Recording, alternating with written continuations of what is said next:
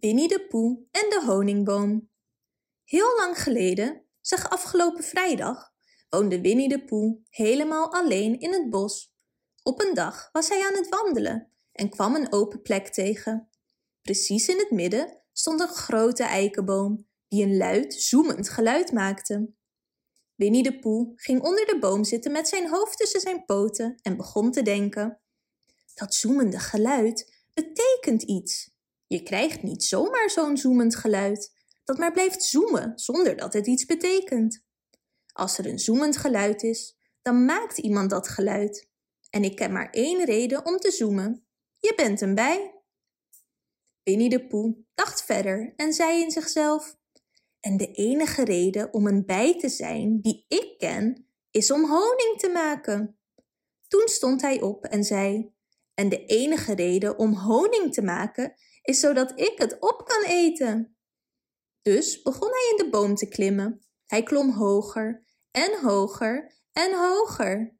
En terwijl hij klom, zong hij een liedje in zichzelf. Toen klom hij wat verder en verder en toen nog iets verder. Ondertussen begon hij moe te worden en zong in zichzelf een mopperliedje. Hij was nu echt bijna bij de honing, maar net op dat moment dat hij zijn poot in de honing wilde steken, krak! Oh, help! riep Poe, terwijl hij naar beneden viel en op een tak vele meters lager landde. Had ik maar niet, begon Poe, maar hij werd afgebroken doordat hij nog eens tien meter naar beneden viel en op de volgende tak landde. Je ziet wat ik probeerde te doen, legde hij uit, terwijl hij hals over kop op de volgende tak twintig meter lager plofte. Natuurlijk was het nogal, gaf hij toe, en gleed over nog eens zes takken. Het komt allemaal, denk ik, concludeerde Poe, terwijl hij de laatste tak van de boom gedag zei, driemaal rondrijden en stijlvol in de bosjes landde. Het komt allemaal, omdat ik zo dol ben op honing.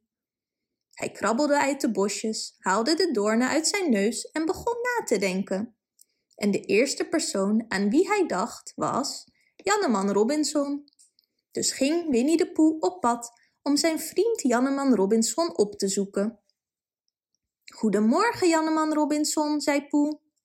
Goedemorgen, Winnie de Poe, zei Janneman Robinson. Ik vroeg mij af of jij misschien een ballon hebt. Een ballon? Ja, ik vroeg mij op de weg hierheen af. Ik vraag mij af of Janneman Robinson misschien een ballon heeft. Dat vroeg ik mij af. Waarom wil je een ballon? vroeg Janneman Robinson.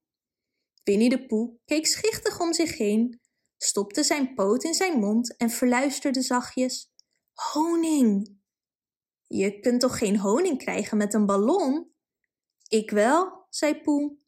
En het toeval wilde dat Janneman Robinson de vorige dag net op het feestje van Knorretje was geweest en een grote groene en blauwe ballon mee naar huis had genomen.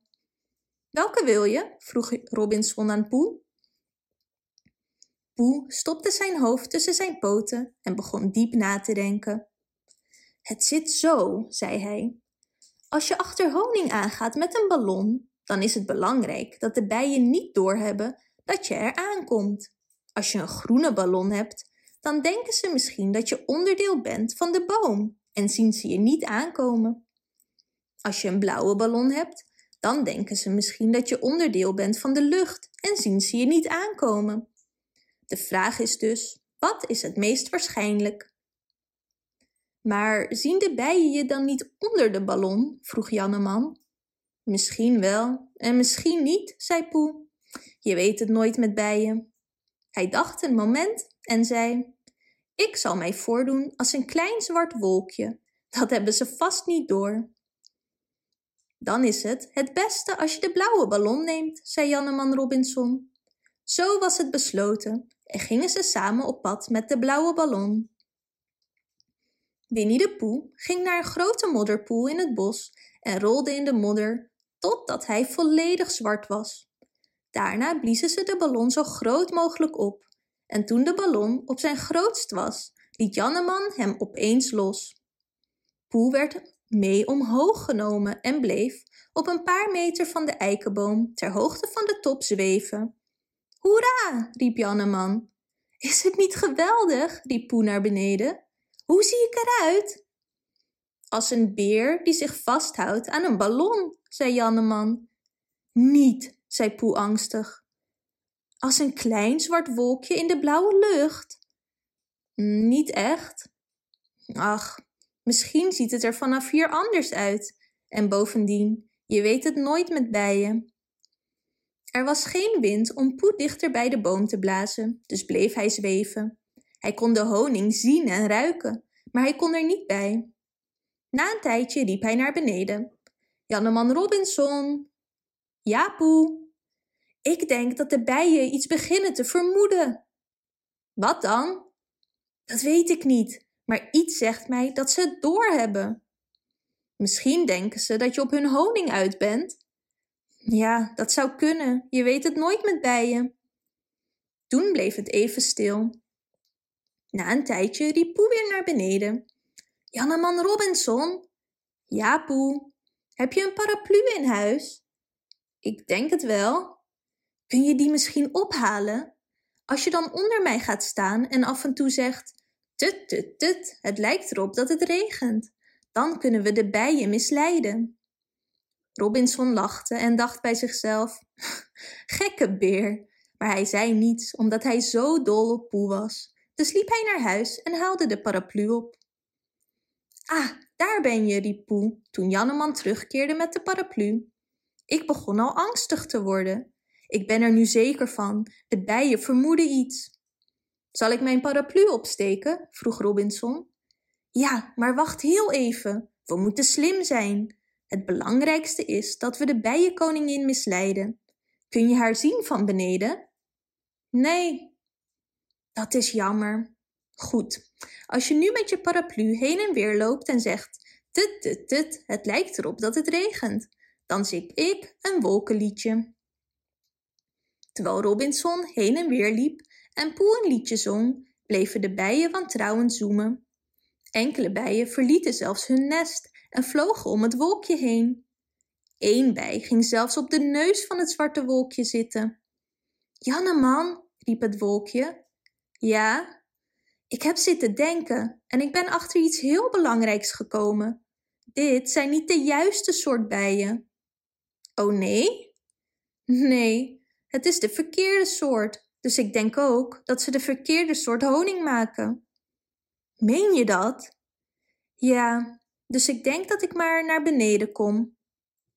Hoe? vroeg Janneman. Poe had daar nog niet over nagedacht. Als hij de ballon zou loslaten, dan zou hij vallen en daar had hij niet zo'n zin in. Dus dacht hij een tijdje na en zei toen: Janneman, jij moet vanaf daar een steentje door de ballon gooien. Lukt dat? Zeker, zei Robinson. Maar dan is wel de ballon kapot. Maar als jij het niet doet, zei Poe, dan moet ik loslaten en dan ben ik kapot. Janneman begreep de situatie, mikte en gooide. Auw, zei Poe. Heb ik gemist? vroeg Robinson. Nee, je miste niet, maar je miste wel de ballon, zei Poe. Het spijt me, zei Janneman en hij probeerde het opnieuw. Nu raakte hij de ballon wel. Deze liep langzaam leeg en Poe zweefde naar de vaste grond. Zijn armen waren echter zo stijf geworden van het vasthouden van de ballon dat hij ze een week lang niet meer naar beneden kreeg. Als er een vlieg op zijn neus kwam zitten, dan moest hij die eraf proberen te blazen, want zijn armen kon hij niet bewegen. Winnie de Poe en het Hof van Konijn Op een dag maakte Winnie de Poe een wandeling door het bos. Die ochtend had hij tijdens zijn ochtendgymnastiek een leuk melodietje bedacht, dus neuriede hij vrolijk. Tralala, tralala, rum diddle diddle rum dum dum. Daar liep hij dan, opgewekt neuriënd en zich afvragend wat al zijn vrienden aan het doen waren, toen hij plots een grote zandbank tegenkwam met een groot gat erin. Aha, riep Poe, als ik ook maar ergens iets vanaf weet, dan betekent dat hol konijn. En konijn betekent gezelschap. En gezelschap betekent eten. Dus bukte Winnie de Poe zich, stak zijn hoofd door het hol en riep: Is daar iemand? Uit het hol kwam eerst een hels kabaal en daarna stilte. Ik vroeg of er iemand thuis is, riep Winnie de Poel luid. Nee, antwoordde een stem, en je hoeft niet te schreeuwen. Ik hoorde je de eerste keer ook. Verdorie, zei Poel, is er dan niemand thuis? Nee, niemand, reageerde de stem. Winnie de Poel haalde zijn hoofd uit het hol, dacht even na en mompelde in zichzelf. Hm, er moet toch iemand thuis zijn? Iemand moet mij geantwoord hebben. Dus stak hij zijn hoofd weer in het hol en zei: Hallo, konijn, ben jij dat? Nee, zei konijn, nu met een andere stem. Maar is dat niet de stem van konijn? vroeg Poel. Nee, dat denk ik niet, antwoordde konijn. Het zou niet mijn stem moeten zijn. Oh, zei Poel, en hij haalde zijn hoofd weer uit het gat. Zou jij mij dan kunnen vertellen waar konijn is? verzocht Poel. Hij is bij zijn goede vriend Poebeer op bezoek, zei konijn. Maar dat ben ik, riep Winnie de Poe verbaasd. Wie is ik? vroeg de stem achterdochtig. Poebeer. Weet je dat zeker? vroeg konijn vol twijfel. Ja, zeer zeker, zeer zeker, zei Poe. Nou, kom dan maar binnen, zei konijn. Dus ging Winnie de Poe naar binnen en wurmde hij zich met veel moeite door het gat van het hol van konijn heen. Je hebt gelijk, zei konijn, terwijl hij hem aandachtig bekeek. Jij bent het. Ik ben blij je te zien. Wie dacht jij dan dat het was? vroeg Poe. Dat weet ik niet, maar je kunt niet voorzichtig genoeg zijn in het bos. Poe had ondertussen een knorrende maag gekregen. Het was tenslotte al elf uur ochtends. Daarom was hij blij om te zien dat konijn borden en bekers uit de kast haalde. En toen konijn vroeg, wil je honing of melk bij het brood? Was Poe zo opgewonden dat hij zei, allebei. En om niet te hebberig over te komen, vervolgde hij, uh, maar geen brood hoor, bedankt. Zo at Poe in stilte totdat alle honing en melk op was, stond op, schudde liefdevol de poot van konijn en zei dat hij moest vertrekken. Moet je echt weg? vroeg konijn uit beleefdheid. Nou, zei Poe, ik zou wel wat langer kunnen blijven als je. En hij keek hintend naar de voorraadkast. Eigenlijk moet ik zelf ook weg, zei konijn. Oh, dan vertrek ik ook. Tot later, zei Poe. Nou, als je zeker weet dat er geen honing meer is, dan ga ik. Er is toch geen honing meer? vroeg Poe nog snel voordat hij vertrok. Konijn liet Poe alle lege honingpotten zien en zei: Er is helemaal niets meer. Dat dacht ik al, zei Poe. Dan is het tijd om te gaan. Dag, konijn. Poe begon uit het hol te klimmen. Met zijn voorpoten trok hij zich vooruit, terwijl hij zijn achterpoten gebruikte om zich af te zetten.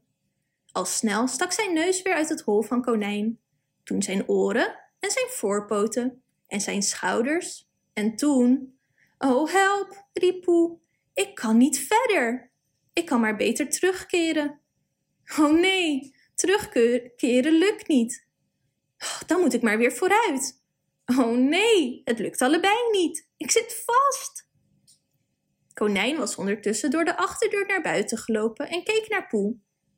Zit je vast? vroeg hij. Nee hoor, loog Poe. Ik ben gewoon even aan het uitrusten en aan het neurien maar konijn trapte daar niet in. Kom, geef me je poot. Poe stak zijn poot uit en konijn trok en trok en trok. Auw, schreeuwde Poe, het doet pijn. Je zit echt vast, zei konijn. Het komt allemaal doordat de voordeur te klein is, zei Poe. Nee, zei konijn streng. Het komt allemaal doordat een van ons te veel gegeten heeft. En ik was het niet. Maar goed, ik zou Janneman Robinson halen. Hij weet vast raad. Janneman Robinson woonde aan de andere kant van het bos. Toen hij met Konijn bij het hol aankwam en Poe zag zitten, zei hij met een liefdevolle stem: Gekke poebeer. Ik zat net te denken, zei Poes zachtjes snikkend, dat Konijn zijn voordeur misschien nooit meer kan gebruiken. En dat zou ik echt niet leuk vinden. Ik ook niet, zei Konijn.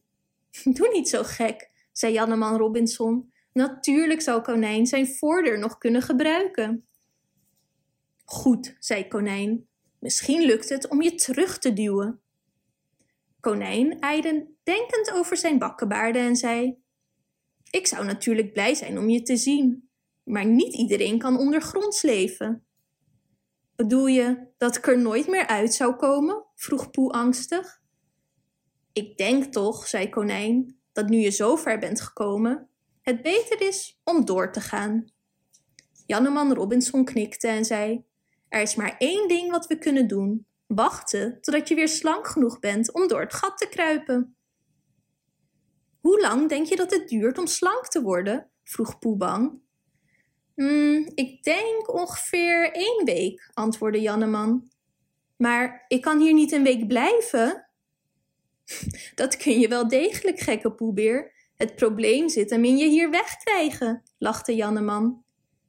Ik ben het met je eens, zei Konijn tegen Janneman. En tegen Poe zei Konijn, je neemt wel veel plek in mijn huis in. Vind je het erg als ik je benen gebruik om mijn handdoeken aan op te hangen? Eén week, riep Poe somber. En hoe zit het met eten? Ik ben bang dat je niets kunt eten, zei Janneman Robinson. Het is de bedoeling dat je afvalt, maar we kunnen je wel voorlezen.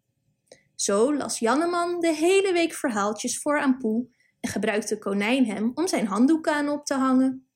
Aan het eind van de week riep Janneman: Nu! En samen met Konijn en al zijn vrienden trokken ze met alle macht aan de poten van Poe. Na een hele tijd hoorden ze opeens pop en was Poe als een kurk uit een fles uit het hol van Konijn geschoten. Janneman, Konijn en hun vrienden tuimelden achterover en Poe landde zo bovenop ze. Met een knikje om zijn vrienden te bedanken, wandelde Poe terug naar het bos en neuriede trots in zichzelf.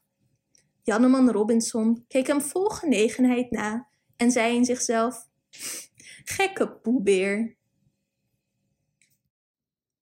Winnie de Poe en Knorretje vangen bijna een woezel. Knorretje woonde in een erg groot huis in het midden van een loofboom. De loofboom stond in het midden van het bos en Knorretje woonde in het midden van het huis. Op een mooie winterdag was Knorretje de sneeuw van zijn huis aan het borstelen. Toen hij even opkeek, zag hij Winnie de Poe, diep in gedachten verzonken, rondjes lopen. En toen Knorretje hem riep, bleef Poe gewoon rondlopen. Hallo, riep Knorretje, wat ben je aan het doen? Ik ben op jacht, antwoordde Poe. Op jacht? Waar jaag je op dan? vroeg Knorretje. Ik ben iets op het spoor, zei Poe mysterieus. Wat ben je dan op het spoor? zei Knorretje, terwijl hij dichterbij kwam. Die vraag stel ik mijzelf ook steeds. Wat is het?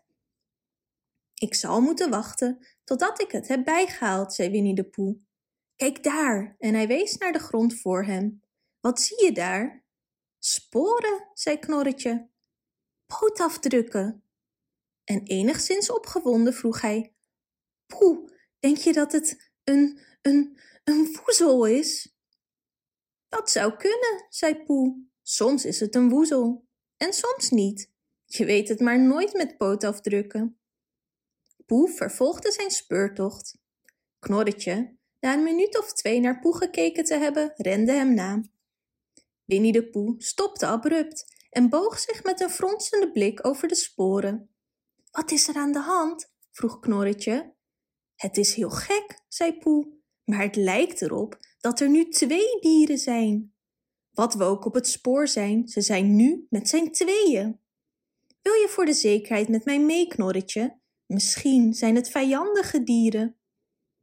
Knorretje krabde aan zijn oor en zei dat hij tot en met vrijdag niets te doen had. Dus hij ging graag mee, voor het geval dat het echt een woezel was. Je bedoelt voor het geval dat het echt twee woezels zijn, zei Winnie de Poe. In beide gevallen heb ik niets te doen tot en met vrijdag, zei Knorretje. En samen gingen ze op pad. Er was een klein paadje tussen de coniferen en het leek erop dat de twee woezels, mits het echt woezels waren, daaromheen hadden gelopen. Dus liepen Poe en Knorretje achter hen aan en kletsten gezellig. Terwijl ze praten, bleven ze de sporen volgen. totdat Winnie de Poe opeens stopte. Kijk, riep hij uit. Wat? vroeg Knorretje en hij maakte van schrik een sprongetje. De sporen, riep Poe. Er is een derde dier bijgekomen. Poe, riep Knorretje, denk je dat het nog een woezel is? Nee, zei Poe, dit zijn andere sporen. Het zijn of twee woezels en één wizzel, of het zijn twee wissels en één woezel. Laten we ze blijven volgen. Dus liepen ze, enigszins angstig, verder. Poe dacht er ondertussen aan hoe leuk het zou zijn om Janneman Robinson plotseling tegen te komen. En alleen maar omdat hij zo gek was op Janneman. Ze liepen en liepen totdat Poe weer uit het niets stopte. Hij likte, angstiger dan ooit aan het topje van zijn neus. Er waren nu namelijk vier dieren voor hen. Zie je dat knorretje? Kijk naar de sporen.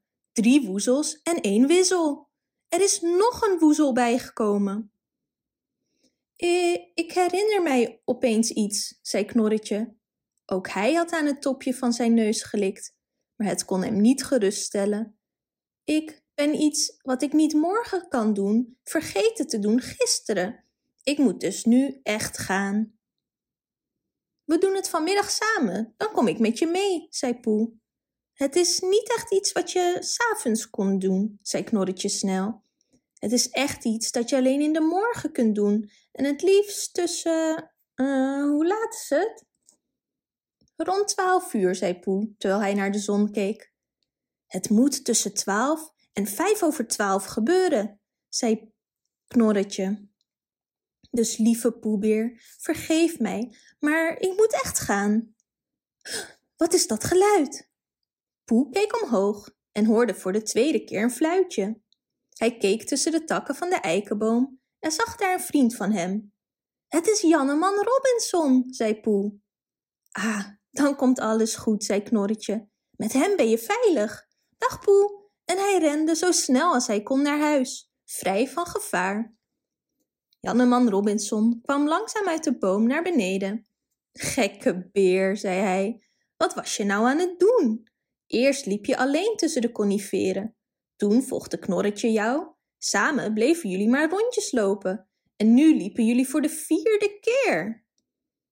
Wacht eens even, zei Poe, terwijl hij zijn poot omhoog hield. Hij ging zitten en dacht zijn diepste gedachten. Toen wreef hij met een van zijn poten over de sporen, krabde aan zijn neus en stond op. Ja, ik begrijp het nu, zei Poe. Ik ben dom geweest en misleid. Ik ben een beer zonder hersens. Jij bent de allerliefste beer van de hele wereld, zei Janneman Robinson liefdevol. Echt waar? vroeg Poe hoopvol en hij voelde zich gelijk een stuk beter. Hoe dan ook, het is bijna lunchtijd. Dus liep Poe naar huis om te eten. Ior verliest een staart en Poe vindt er een. De oude grijze ezel Ior stond in zijn eentje in een hoek van het bos zijn voorpoten zochten ver uit elkaar gestrekt een plaatsje tussen de distels. Zijn hoofd hield hij omlaag. Zijn gedachten hielden hem bezig met vragen als waarom, waarvoor, hoezo. Soms wist hij zelf niet eens precies waarmee hij het met zijn gedachten zo druk had. Dat Winnie de Poe voorbij kwam, was dan ook een aangename onderbreking van de gedachten die maalden in zijn hoofd. Hoe gaat het? Begroette de ezel hem op een wat sombere manier. En hoe gaat het met jou? informeerde Winnie de Poe. Ior schudde zijn hoofd heen en weer. Het hoe is de grote vraag, antwoordde Ior overpijzend. Het lijkt alsof ik sinds lange tijd niet meer weet hoe ik me voel. O jee, sprak Poe, laat mij eens goed naar je kijken. Dus Ior stond daar, bedroefd naar de grond kijkend, terwijl Poe een rondje om hem heen liep. Maar wat is er met je staart gebeurd? riep Poe verbaasd uit. Nou, wat is er met mijn staart gebeurd? vroeg Ior. Hij is weg. Weet je het zeker? Nou, hij is er of hij is er niet. Daar kun je jezelf niet in vergissen. En ik zie dat die van jou er niet is. Maar wat is er dan wel? Niets? Laat me eens kijken, zei Ior, en hij draaide zich langzaam naar de plek om waar zijn staart zich enige tijd geleden nog had bevonden. Toen hij daar opmerkte dat de staart ontbrak, draaide hij zich langzaam de andere kant op en boog zijn hoofd naar beneden om tussen zijn poten te kijken. Met een zucht concludeerde hij: Je hebt gelijk, Poe, mijn staart is weg. Natuurlijk heb ik gelijk, zei Poe. Het verklaart een hele hoop, mopperde Ior. Sterker nog, het verklaart alles. Je moet hem ergens verloren zijn, sprak Winnie de Poe. Iemand moet hem gestolen hebben, bromde Ior. Echt zo? voegde hij er na een lange stilte aan toe. Poe vond dat hij er iets zinvols over moest zeggen, maar hij wist niet precies wat. Dus besloot hij iets nuttigs te doen. Ior, sprak hij plechtig, ik, Winnie de Poe, beloof je dat ik je staart zal vinden. Dank je, antwoordde Ior. Je bent een echte vriend, vervolgde hij. En dat is iets wat je niet van iedereen kunt zeggen. En zodoende vertrok Winnie de Poe op zoek naar de staart van Ior. Het was een prachtige lentemorgen waarop Winnie de Poe zijn zoektocht begon. Zachte kleine wolkjes dansten vrolijk in de strakblauwe lucht. Poe genoot van het zonnetje dat de blaadjes en de takken en het hout van de bokenbeumen deed glanzen en vervolgde zijn weg naar het honderdbunderbos. Want dat was het bos waar Uil woonde. Als er iemand is die alles weet, dan is Uil het, sprak Winnie de Poe tot zichzelf. Zo is het. Of mijn naam zou niet Winnie de Poe zijn. En dat is het, dus dat zegt genoeg. Uil woonde op een prachtige plek in een grote kastanjeboom, de oudste en meest gerespecteerde boom in het honderdbunderbos.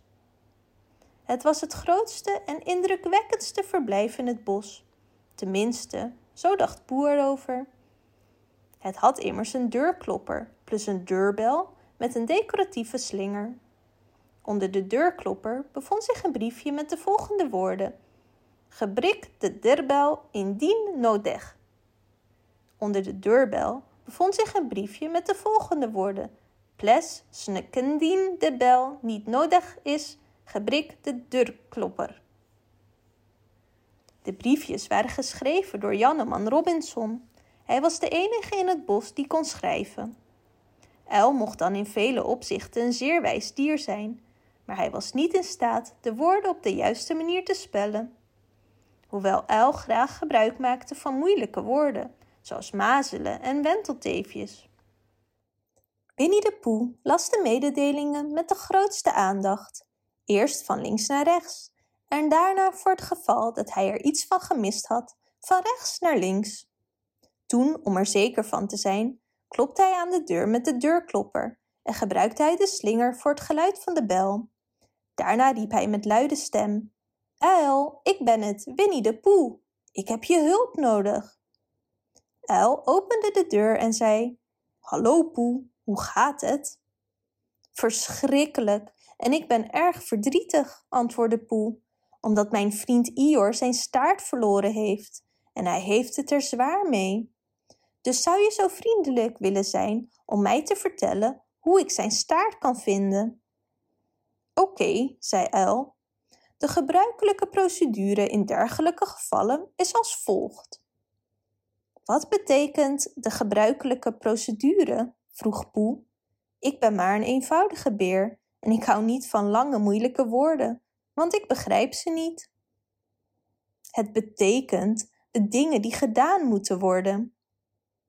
Zolang dat het betekent, vind ik het niet erg, zei Poe. Je moet het volgende doen. Eerst moet je een beloning toebedelen. Daarna. Wacht even, riep Poe en stak zijn poot op. Wat zei je precies? Ik kon het eerste niet horen vanwege je niezen. Ik nieste niet. Nou, dat deed je zeker wel, uil. Neem me niet kwalijk. Maar dat was ik niet. Ik kan niet niezen zonder dat ik er zelf iets van af weet. Wat ik zei, was dat er een beloning moest, moet worden toebedeeld. Nu doe je het weer, riep Poe verdrietig. Een beloning, riep Uil heel hard. We schrijven een bericht om te zeggen dat we een groot bedrag zullen geven aan iedereen die Ior's staart vindt. Ik begrijp het. Poe knikte met zijn hoofd. Nu we toch over zoiets groots praten, vervolgde Poe. Meestal begin ik met iets kleins in de ochtend rond deze tijd. Zijn blik richtte zich naar de kast in de hoek van de kamer. Misschien een slokje melk met een theelepeltje honing, als dat mogelijk is. Goed dan, zei Uil. We schrijven onze mededeling op briefjes en deze hangen we overal in het bos op.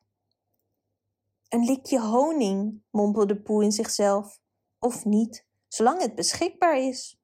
En hij slaakte een diepe zucht en probeerde heel hard te luisteren naar wat Uil zei.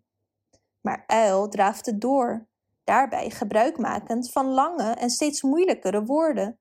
En uiteindelijk kwam hij tot de conclusie dat Janneman Robinson het bericht zou moeten schrijven. Janneman Robinson heeft de berichten voor mijn voordeur geschreven. Heb je ze gezien, Poe? Al enige tijd had Poe met zijn ogen gesloten achtereenvolgens met ja en nee op de woorden van Uil gereageerd, zonder echt te horen wat er werd gezegd. Nu antwoordde Poe met geen idee, op hetgeen Uil zojuist gezegd had. Poe had geen idee waar Uil het over had. Heb je de berichten niet gezien? vroeg Uil verbaasd. Kom, ik laat je zien. En zo gingen ze naar buiten. Poe keek naar de klopper en het briefje eronder, en hij keek naar de deurbel met het briefje eronder. En nog een keer keek hij naar de deurbel en in het bijzonder naar de decoratieve slinger van de deurbel. En plotseling kreeg hij het gevoel dat hij dit al eerder had gezien. Mooie deurbel, vind je niet? vroeg Uil. Poe knikte. De slinger van je deurbel herinnert me aan iets, zei Poe. Maar ik kom er niet op waarvan. Waar heb je het vandaan? Ik kwam het toevallig tegen in het bos. Het hing aan een kleine struik.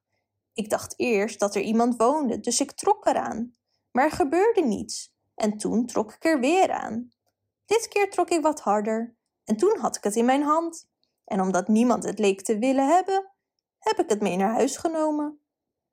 Uil, onderbrak Poe hem, je hebt je vergist. Er is wel degelijk iemand die het wilde. Wie dan? vroeg Uil. Ior, mijn vriend Ior. Het is hem zelfs zeer dierbaar. Is hij er dan zo aan gehecht? Letterlijk en figuurlijk, antwoordde Poe. En met deze woorden haalde Poe de slinger van de bel en bracht de staart terug naar Ior. Nadat Janneman Robinson de staart van Ior met een punaise weer op de juiste plek had vastgemaakt, stuiterde de ezel zo blij in het rond dat ook Poe er vrolijk van werd. Snel daarna haastte Poe zich naar huis voor een kleine snack voordat hij om zou vallen van de trek. En een half uur later, zijn mond afvegend, zong hij zichzelf trots toe. Wie heeft de staart van Ior gevonden? Dat was ik. Om kwart voor twee, maar eigenlijk was het nog maar kwart voor elf in de ochtend, vond ik zijn staart. Knorretje ontmoet een flipper de flap. Op een dag toen Janneman Robinson, Winnie de Poe en Knorretje gewoon maar wat met elkaar aan het praten waren, zei Janneman Robinson zomaar uit het niets: Ik heb vandaag een flipper de flap gezien, Knorretje. Wat was die aan het doen? vroeg Knorretje. Hij was gewoon een beetje zijn ding aan het doen, zei Janneman Robinson.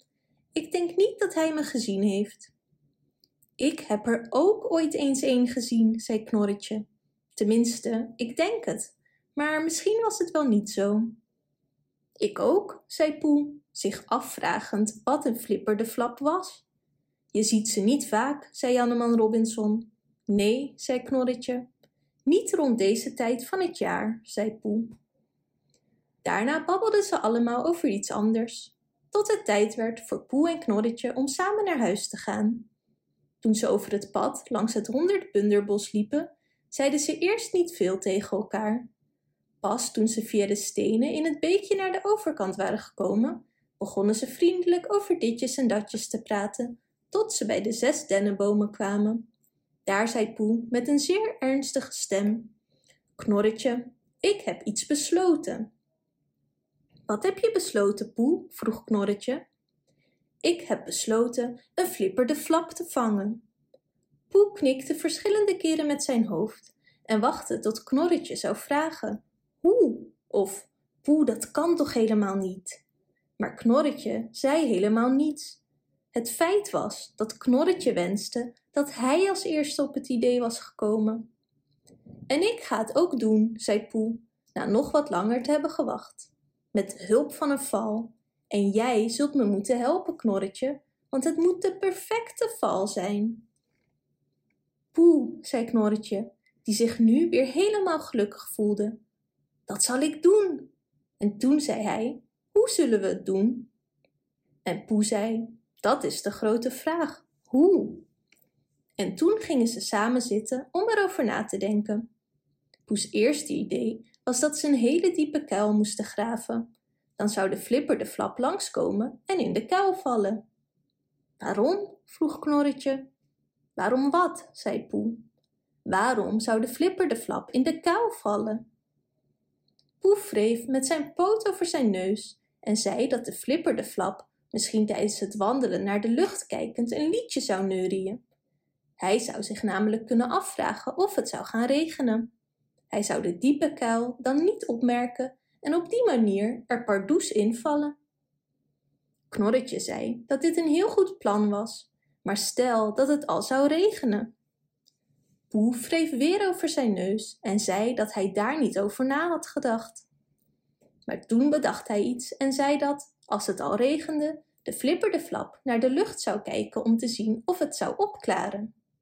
Dan zou hij de diepe put alsnog niet zien en er even goed invallen. Knorretje vond het een goed idee en zei dat ook tegen Poe. Poe was trots op zichzelf en het voelde alsof hij de flipper de flap al zo goed als gevangen had. Maar nu rees de volgende vraag. Waar zouden ze het diepe gat voor de val graven? Knorretje zei dat de beste plaats ergens moest zijn waar ook de flipper de flap was en niet te ver daar vandaan, ongeveer een voetlengte verder. Maar dan zou hij ons zien graven, zei Poe. Niet als hij naar de lucht keek, sprak Knorretje. Hij zou het vermoeden, zei Poe, als hij toevallig naar beneden zou kijken. Hij dacht lang na en voegde er bedroefd aan toe. Het is niet zo eenvoudig als ik dacht. Ik denk dat dit de reden is waarom Flipper de Flaps bijna nooit gepakt worden. Dat moet het zijn, zei Knorretje. Ze zuchtten en stonden op. Er staken een paar stekels van de stelbrem in hun vacht. Toen ze deze uit zichzelf hadden gehaald, gingen ze weer zitten. De hele tijd zei Poe tegen zichzelf: Kon ik maar iets bedenken? Want hij was er zeker van dat een heel slim brein een flipper de flap zou kunnen vangen, als hij maar wist hoe hij het moest aanpakken. Stel, zei hij tegen Knorretje, jij wilde mij vangen. Hoe zou je dat dan doen? Nou, zei Knorretje, ik zou een val moeten maken en ik zou een pot honing in de val doen. Jij zou het ruiken en je zou er achteraan gaan en... Ja, ik zou er achteraan gaan, riep Poel opgewonden. Ik zou heel voorzichtig zijn om mezelf geen pijn te doen. En ik zou bij de pot honing komen.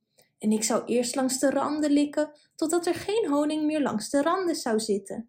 Dan zou ik weglopen en er een beetje over nadenken. En dan zou ik teruggaan om in het midden van de pot de honing eruit te likken. En dan... Ja, dat maakt niet uit, onderbrak Knorretje hem. Dan zou jij daar zijn en ik zou je moeten vangen. Nu is het eerste waaraan we moeten denken. Wat vinden Flipper de Flaps leuk? Ik denk aan eikeltjes. En waar denk jij aan, Poe?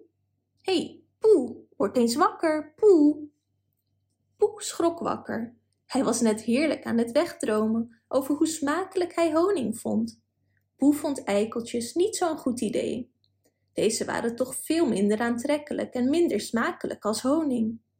Dus zei Knorretje dat als ze voor honing zouden kiezen, dat Poe wat van zijn eigen honing zou moeten afstaan.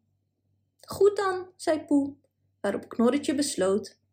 Ik zal de kuil graven, terwijl jij de honing gaat halen. Heel goed, zei Poe, en hij ging op weg naar zijn huis. Thuisgekomen pakte Poe een stoel om een zeer grote pot honing van de bovenste plank in zijn provisiekast te halen. Op de pot was een etiket geplakt met het woord honing. Voor de zekerheid haalde Poe de papieren omslag eraf en keek door het glas van de pot. De inhoud leek op honing. Maar je weet het nooit, zei Poe. Ik herinner me dat mijn oom ooit zei dat hij kaas in deze kleur had gezien. Dus stak hij zijn tong erin en nam een grote lik. Ja, zei hij, het is honing. Daar bestaat geen twijfel over. Ook proefde Poe nog voor de extra zekerheid of de pot tot op de bodem echt gevuld was met honing. En dat was zo. Hierna bracht Poe de pot met honing naar Knorretje. Deze keek naar de magere inhoud van de pot en zei: Is dat alles wat je nog hebt? En Poe zei: Ja, en dat was ook zo. Knorretje zette daarna de pot op de bodem van de kuil en klom eruit. Daarna liepen ze samen naar huis. Nou, welterusten Poe, zei Knorretje toen ze bij Poes huis waren aangekomen. We ontmoeten elkaar morgenochtend om zes uur bij de zes dennenbomen om te zien hoeveel flipperde flaps we hebben gevangen. Zes uur, Knorretje, en neem een touw mee waarmee we ze kunnen vastbinden om mee naar huis te nemen. Oh, ik weet niet of dat nodig is, Poe, zei Knorretje. Ik denk dat flipperde flaps vanzelf wel komen als je naar ze fluit. Sommige wel en andere niet. Met flipperde flaps weet je het nooit. Welterusten. Goedenacht. En daarna liep Knorretje verder naar zijn huis, terwijl Poe voorbereidingen trof om naar bed te gaan. Enkele uren later, toen de nacht begonnen was, werd Poe plotseling wakker met een vervelend gevoel. Hij had hetzelfde gevoel al eerder gehad en hij wist wat het betekende. Hij was hongerig. Dus hij liep naar de provisiekast en ging op een stoel staan.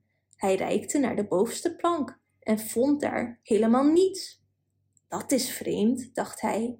Ik weet zeker dat ik daar een pot met honing had. Een volle pot, tot aan de rand vol met honing. En er was een briefje opgeplakt met het woord honing erop, zodat ik zou weten dat het honing was. Dit is heel vreemd. Dezelfde woorden mompelde hij tot zichzelf tot drie keer toe, totdat hij het zich plotseling herinnerde. Hij had de pot in de vuilkuil gezet om een flipperde flap te vangen. Dus kroop Poe weer terug in bed. Maar hij kon de slaap niet vatten. Hoe harder hij probeerde te slapen, des te lastiger het werd voor hem. Dus begon hij schaapjes te tellen. Want dat wil nog wel eens helpen om in slaap te komen. Maar dat maakte het nog erger. Dus probeerde Poe Flipper de flaps te tellen. Maar dat hielp al helemaal niet omdat elke flipperde flap die hij telde regelrecht naar een pot van poes honing ging en alles opat. Toen de 587ste flipperde flap zijn lippen aflikte, vond Poe het welletjes. Hij kon het niet meer verdragen. Hij sprong uit bed en rende het huis uit, regelrecht naar de plek bij de zes dennenbomen. Het was nog vroeg. De zon stond op het punt om op te staan. In het schemerlicht zag de plek van de zes dennenbomen er koud en eenzaam uit. De door Knorretje gegraven kuil leek dieper dan hij in werkelijkheid was. En er stond wel een pot met honing daar op de bodem. Maar toen Poe dichterbij kwam, vertelde zijn neus hem dat het inderdaad honing was. Verdraaid, zei Poe, terwijl hij zijn neus in de pot stopte. Een flipperde flap heeft mijn honing opgegeten. En daarna dacht hij nog een beetje na en zei: Oh nee, dat was ik. Ik was het vergeten. Hij had er inderdaad het meeste van gegeten, maar er was nog een beetje over op de bodem van de pot.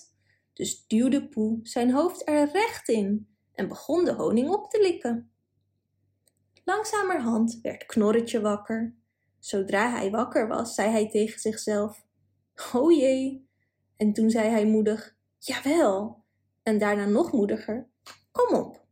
Maar hij voelde zich niet erg moedig, want het woord dat de hele tijd door zijn hoofd spookte was flipperde flap.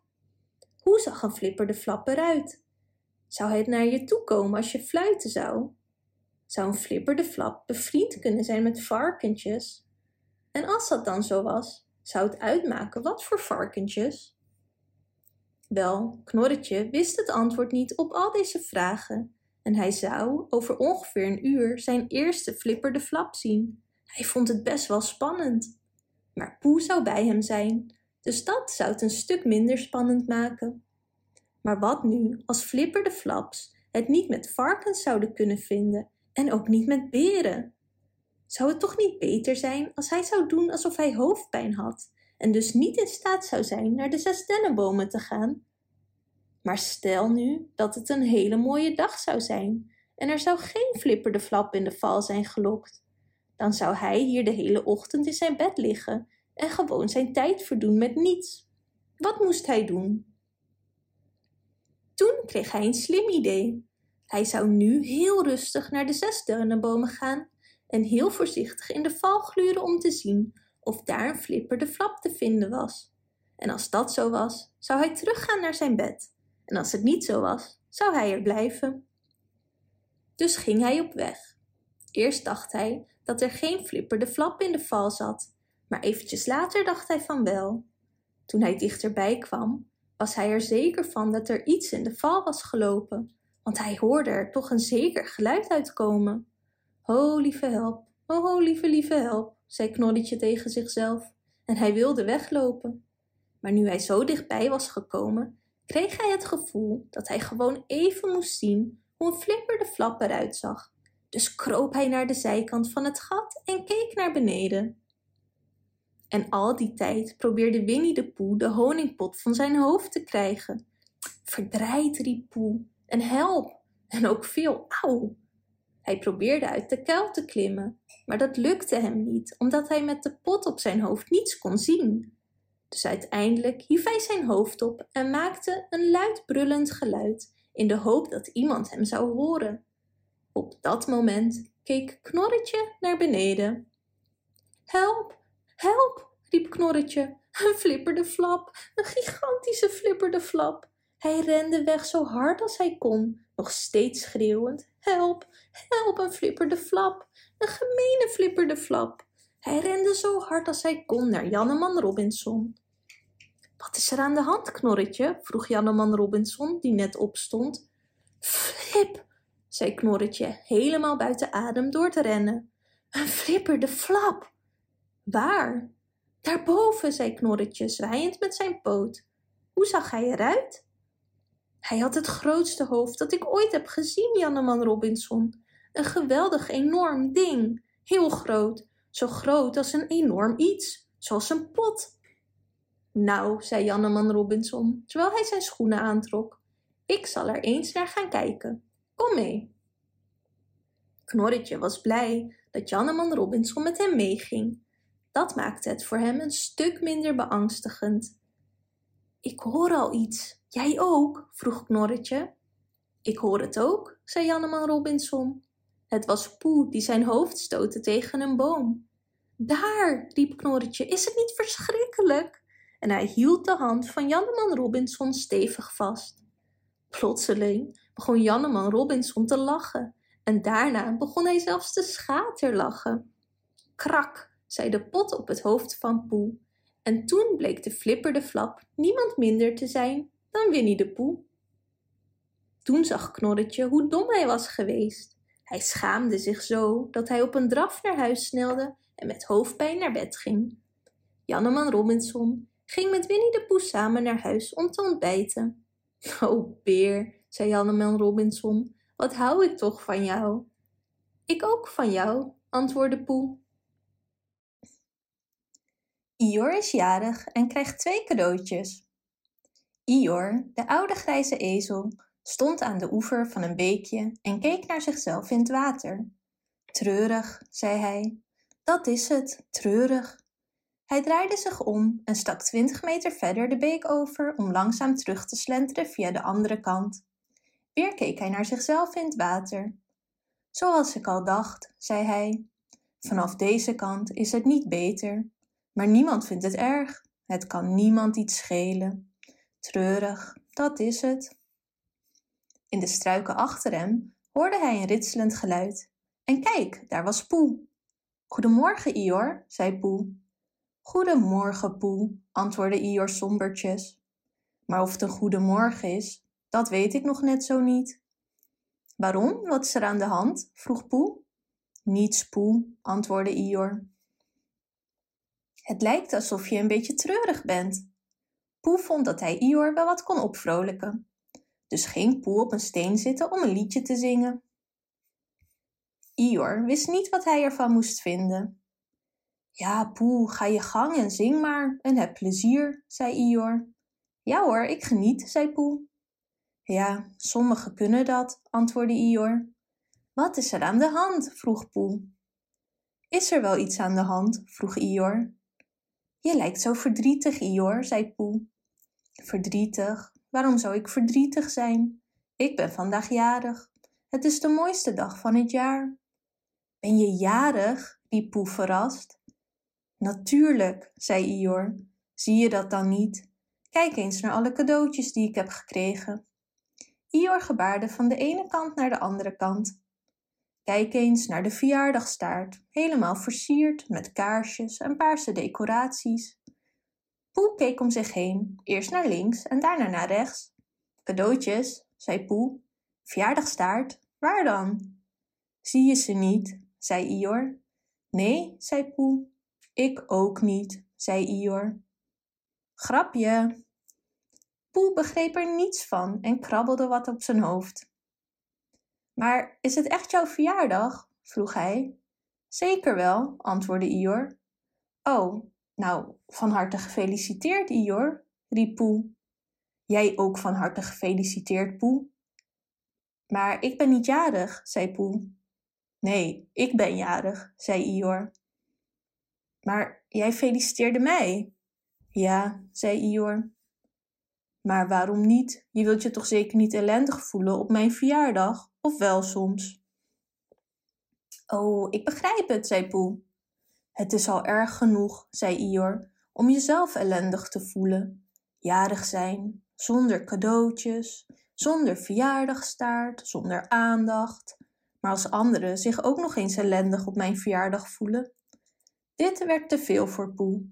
Blijf daar, riep hij naar Ior, terwijl hij zich omdraaide en zo snel als hij kon terug naar huis haastte. Want hij voelde dat hij die arme Ior meteen een of ander cadeau moest geven. Daarna kon jij altijd nog wel een gepast cadeau bedenken. Bij zijn huis zag Poe Knorretje. Deze probeerde bij de deurklopper te komen door op en neer te springen. Hallo Knorretje, zei Poe. Hallo Poe, zei Knorretje. Wat ben je aan het doen? vroeg Poe. Ik probeer bij de deurklopper te komen, zei Knorretje. Laat mij het voor je doen, zei Poe. Het was voor Poe heel makkelijk om bij de deurklopper te komen.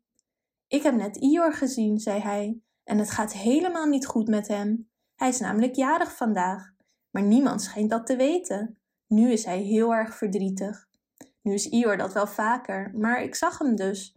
En wat duurt het lang voordat er iemand de deur opent? En hij maakte nogmaals gebruik van de deurklopper. Poeh, zei Knorretje, we staan voor de deur van jouw eigen huis. Oh, ja, zei Poe, dat is ook zo. Laten we naar binnen gaan. Dus gingen ze naar binnen en Poe liep naar zijn voorraadkast om te zien of hij daar nog een klein potje honing had. En dat had hij, dus hij pakte het uit de kast. Ik ga dit aan Ior geven, zei Poe, als verjaardagsgeschenk. En wat ga jij hem geven? Kunnen we het niet samen geven? vroeg Knorretje, als cadeau van ons allebei. Nee, zei Poe, dat lijkt me geen goed plan. Goed dan, zei Knorretje, ik zal hem een ballon geven. Ik heb er nog eentje over van mijn laatste feestje. Ik zal het nu van huis ophalen. Dat lijkt me een prima idee, zei Poe. Ik denk dat dat precies het juiste cadeau is om Ior op te vrolijken. Niemand wordt treurig van een ballon. Dus Knorretje haastte zich naar zijn huis en Poe ging de andere kant op in de richting van Ior. Het was een warme dag en Poe had nog een lange weg te gaan. Hij was nog niet halverwege toen hem een bepaald gevoel bekroop. Het begon bij het puntje van zijn neus en sijpelde door hem heen naar zijn voetzolen. Het was alsof een stemmetje in hem zei: Zo, Poe, wordt het niet eens tijd voor een kleine versnapering? Lieve help, zei Poe, ik wist niet dat het al zo laat was. Dus hij ging zitten en nam de dop van zijn pot honing. Gelukkig heb ik dit meegenomen, dacht hij.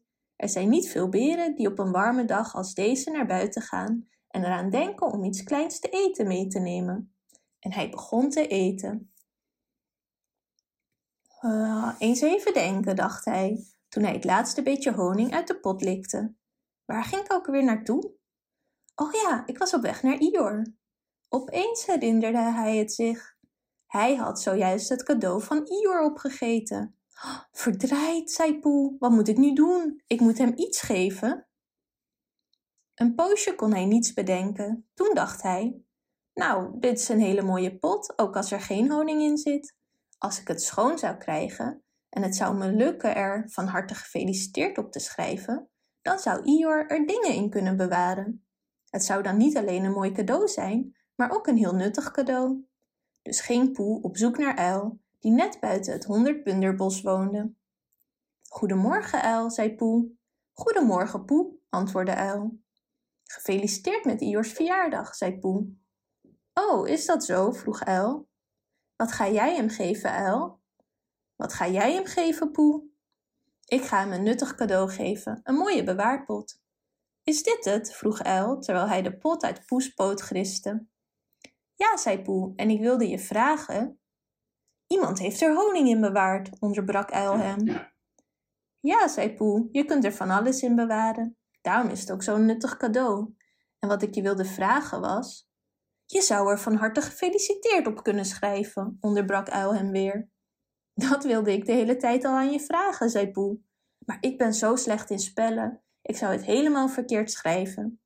Zou jij van harte gefeliciteerd voor me op de pot willen schrijven? Het is een mooie pot, Poe, zei Uil. En hij bekeek de pot nog eens goed. Kunnen we het niet beide aan hem geven? Nee, zei Poe, dat is geen goed idee.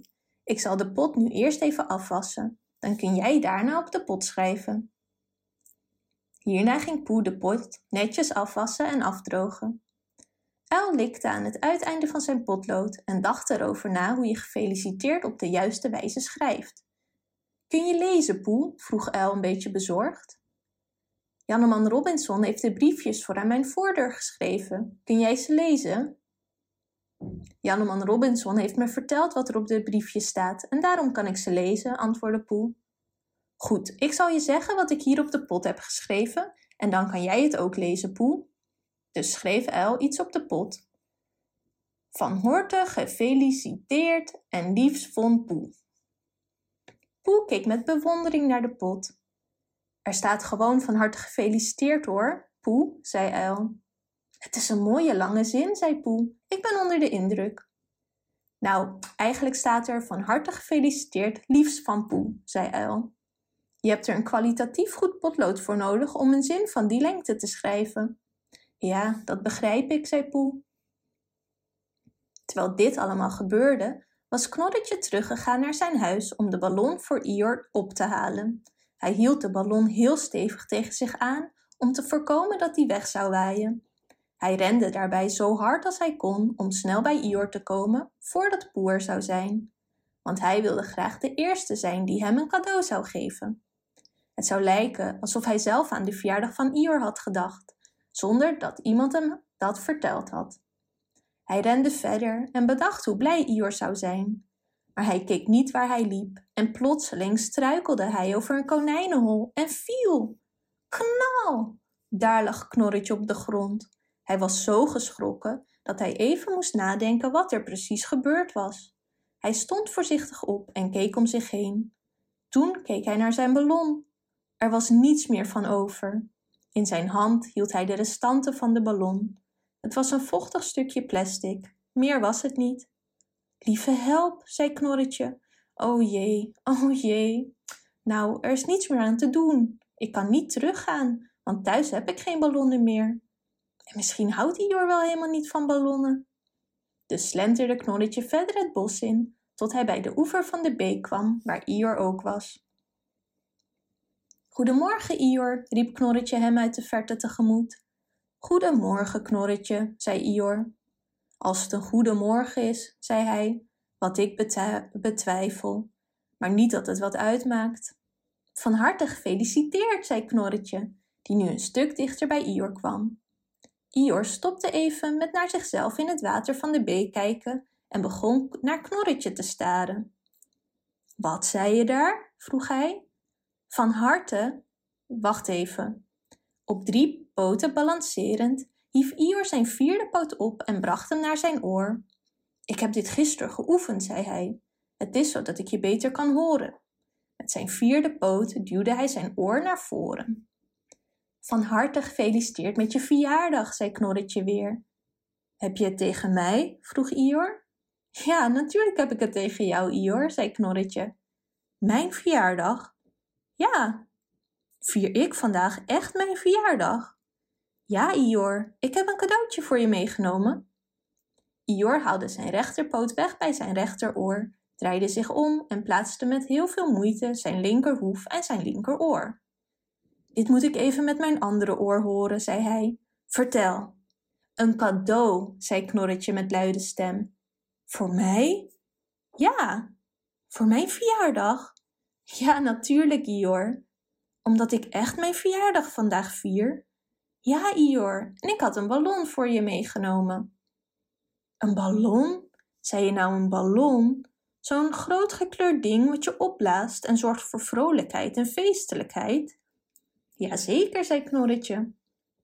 Maar het spijt me enorm, Ior, want ik haastte me toen ik hem naar je toe wilde brengen en toen viel ik. O lieve help, zei Ior, wat naar, je liep vast te hard. Je hebt jezelf toch niet bezeerd, Knorretje? Nee, maar, maar, ik, oh Ior, ik heb de ballon laten knappen. Er volgde een lange stilte. Mijn ballon? vroeg Ior uiteindelijk. Knorretje knikte. Mijn ballon? De ballon die speciaal voor mijn verjaardag was. Ja, Ior, zei Knorretje en moest er een beetje bij snikken. Hier is het. Van harte gefeliciteerd. In zijn hand hield hij de zielige restanten van een kapotte ballon. Dit is het? vroeg Ior een beetje verrast. Knorretje knikte. Mijn cadeau. Knorretje knikte weer. De ballon. Ja. Dank je wel, Knorretje, zei Ior. Ik hoop dat je het niet erg vindt dat ik het vraag, ging hij verder. Maar welke kleur had de ballon toen het nog een ballon was? Rood. Ik vraag me zomaar af. Rood, dat is mijn lievelingskleur, mompelde Ior. Hoe groot was de ballon, Knorretje? Zo groot als ik ben. O hemeltje lief, zo groot als Knorretje, zei Ior bedroefd tegen zichzelf. Precies mijn favoriete formaat. Nou, nou. Knorretje voelde zich erg ellendig en wist niet meer wat hij moest zeggen. Hij deed steeds zijn mond open om iets te zeggen, maar het voelde niet goed om iets te zeggen. Op dat moment hoorde hij iemand roepen aan de andere kant van de rivier. Het was Poe. Van harte gefeliciteerd, riep Poe. Hij was helemaal vergeten dat hij dat al een keer had gezegd. Dank je wel, Poe, zei Ior, maar zijn stem klonk wat bedroefd. Ik heb een cadeau voor je meegenomen, zei Poe, en hij was helemaal een beetje opgewonden. Hij sprong in het water en bewoog zich richting Ior. Knorretje zat een eindje verderop en hield zijn hoofd een beetje verscholen tussen zijn poten. Het is een nuttige bewaarpot, zei Poe, en er staat, van harte gefeliciteerd, liefst van Poe opgeschreven. Je kunt er allemaal spulletjes in bewaren.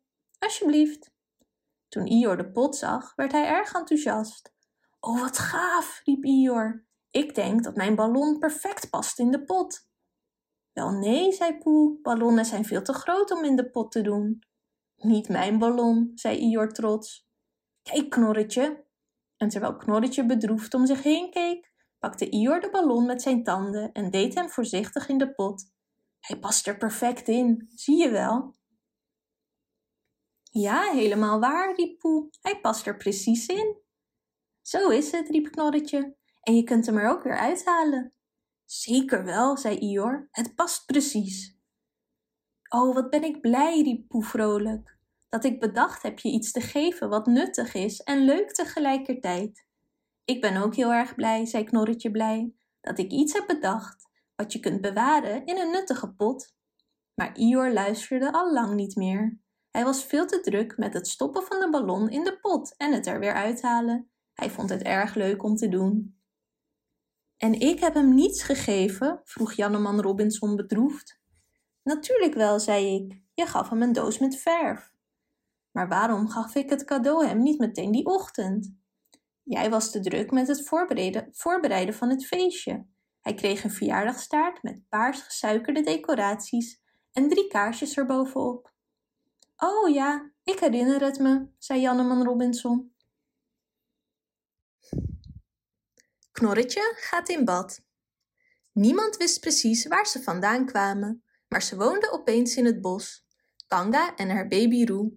Toen Winnie de Poe aan Janneman Robinson vroeg hoe ze in het bos terecht waren gekomen, antwoordde hij: Op de gebruikelijke manier, Poe, als je begrijpt wat ik bedoel. Waarop Poe antwoordde, die er overigens helemaal niets van begreep: Oh, ja, natuurlijk, op de gebruikelijke manier. En knikte daarbij met zijn hoofd op en neer. Daarna haastte hij zich naar het huis van zijn vriend Knorretje om met hem te overleggen wat hij hier allemaal van vond. Toevallig was daar ook Konijn, dus overlegden ze met elkaar over deze zaak. Wat ik hier niet fijn aan vind, zei Konijn, is dat wij hier in het bos leven. Jij, Poe, en jij, Knorretje, en ik. En plotseling... En Ior, zei Poe. Ja, en Ior, vervolgde Konijn. En El, onderbrak Poe hem weer. En El, vervolgde Konijn. Oh, en Ior, onderbrak Poe Konijn weer. Was ik hem bijna vergeten? Dus, hier zijn wij, sprak Konijn nu traag en voorzichtig verder. Wij allemaal. En plotseling worden we op een dag wakker. En wat treffen we aan? Er bevindt zich opeens een vreemd dier onder ons. Een dier dat we nog nooit eerder gezien hebben waar, en waarover we nog nooit iets gehoord hebben. Een dier dat haar gezin in haar buideltas draagt. Stel je voor dat ik mijn familie in mijn zakken zou dragen. Hoeveel zakken zou ik dan wel niet nodig moeten hebben? Zestien, zei Knorretje. Zeventien, toch? zei Konijn. Maar het zouden er makkelijk achttien kunnen zijn.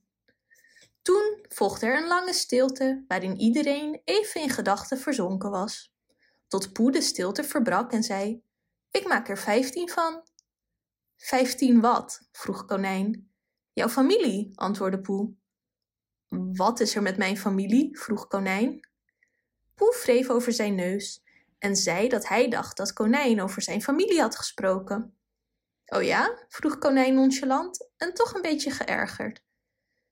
Ja, je zei. Laat maar, Poe, zei Konijn. De vraag is: wat gaan we doen met betrekking tot Kanga? Oh, ik begrijp het, zei Poe. Het beste wat we kunnen doen is dit, zei Konijn. We stelen baby Roe en verstoppen hem. En als Kanga aan ons vraagt: waar is baby Roe? Dan zeggen wij: aha. Aha, oefende Poe direct. Aha, aha. Ja, natuurlijk, zei Poe.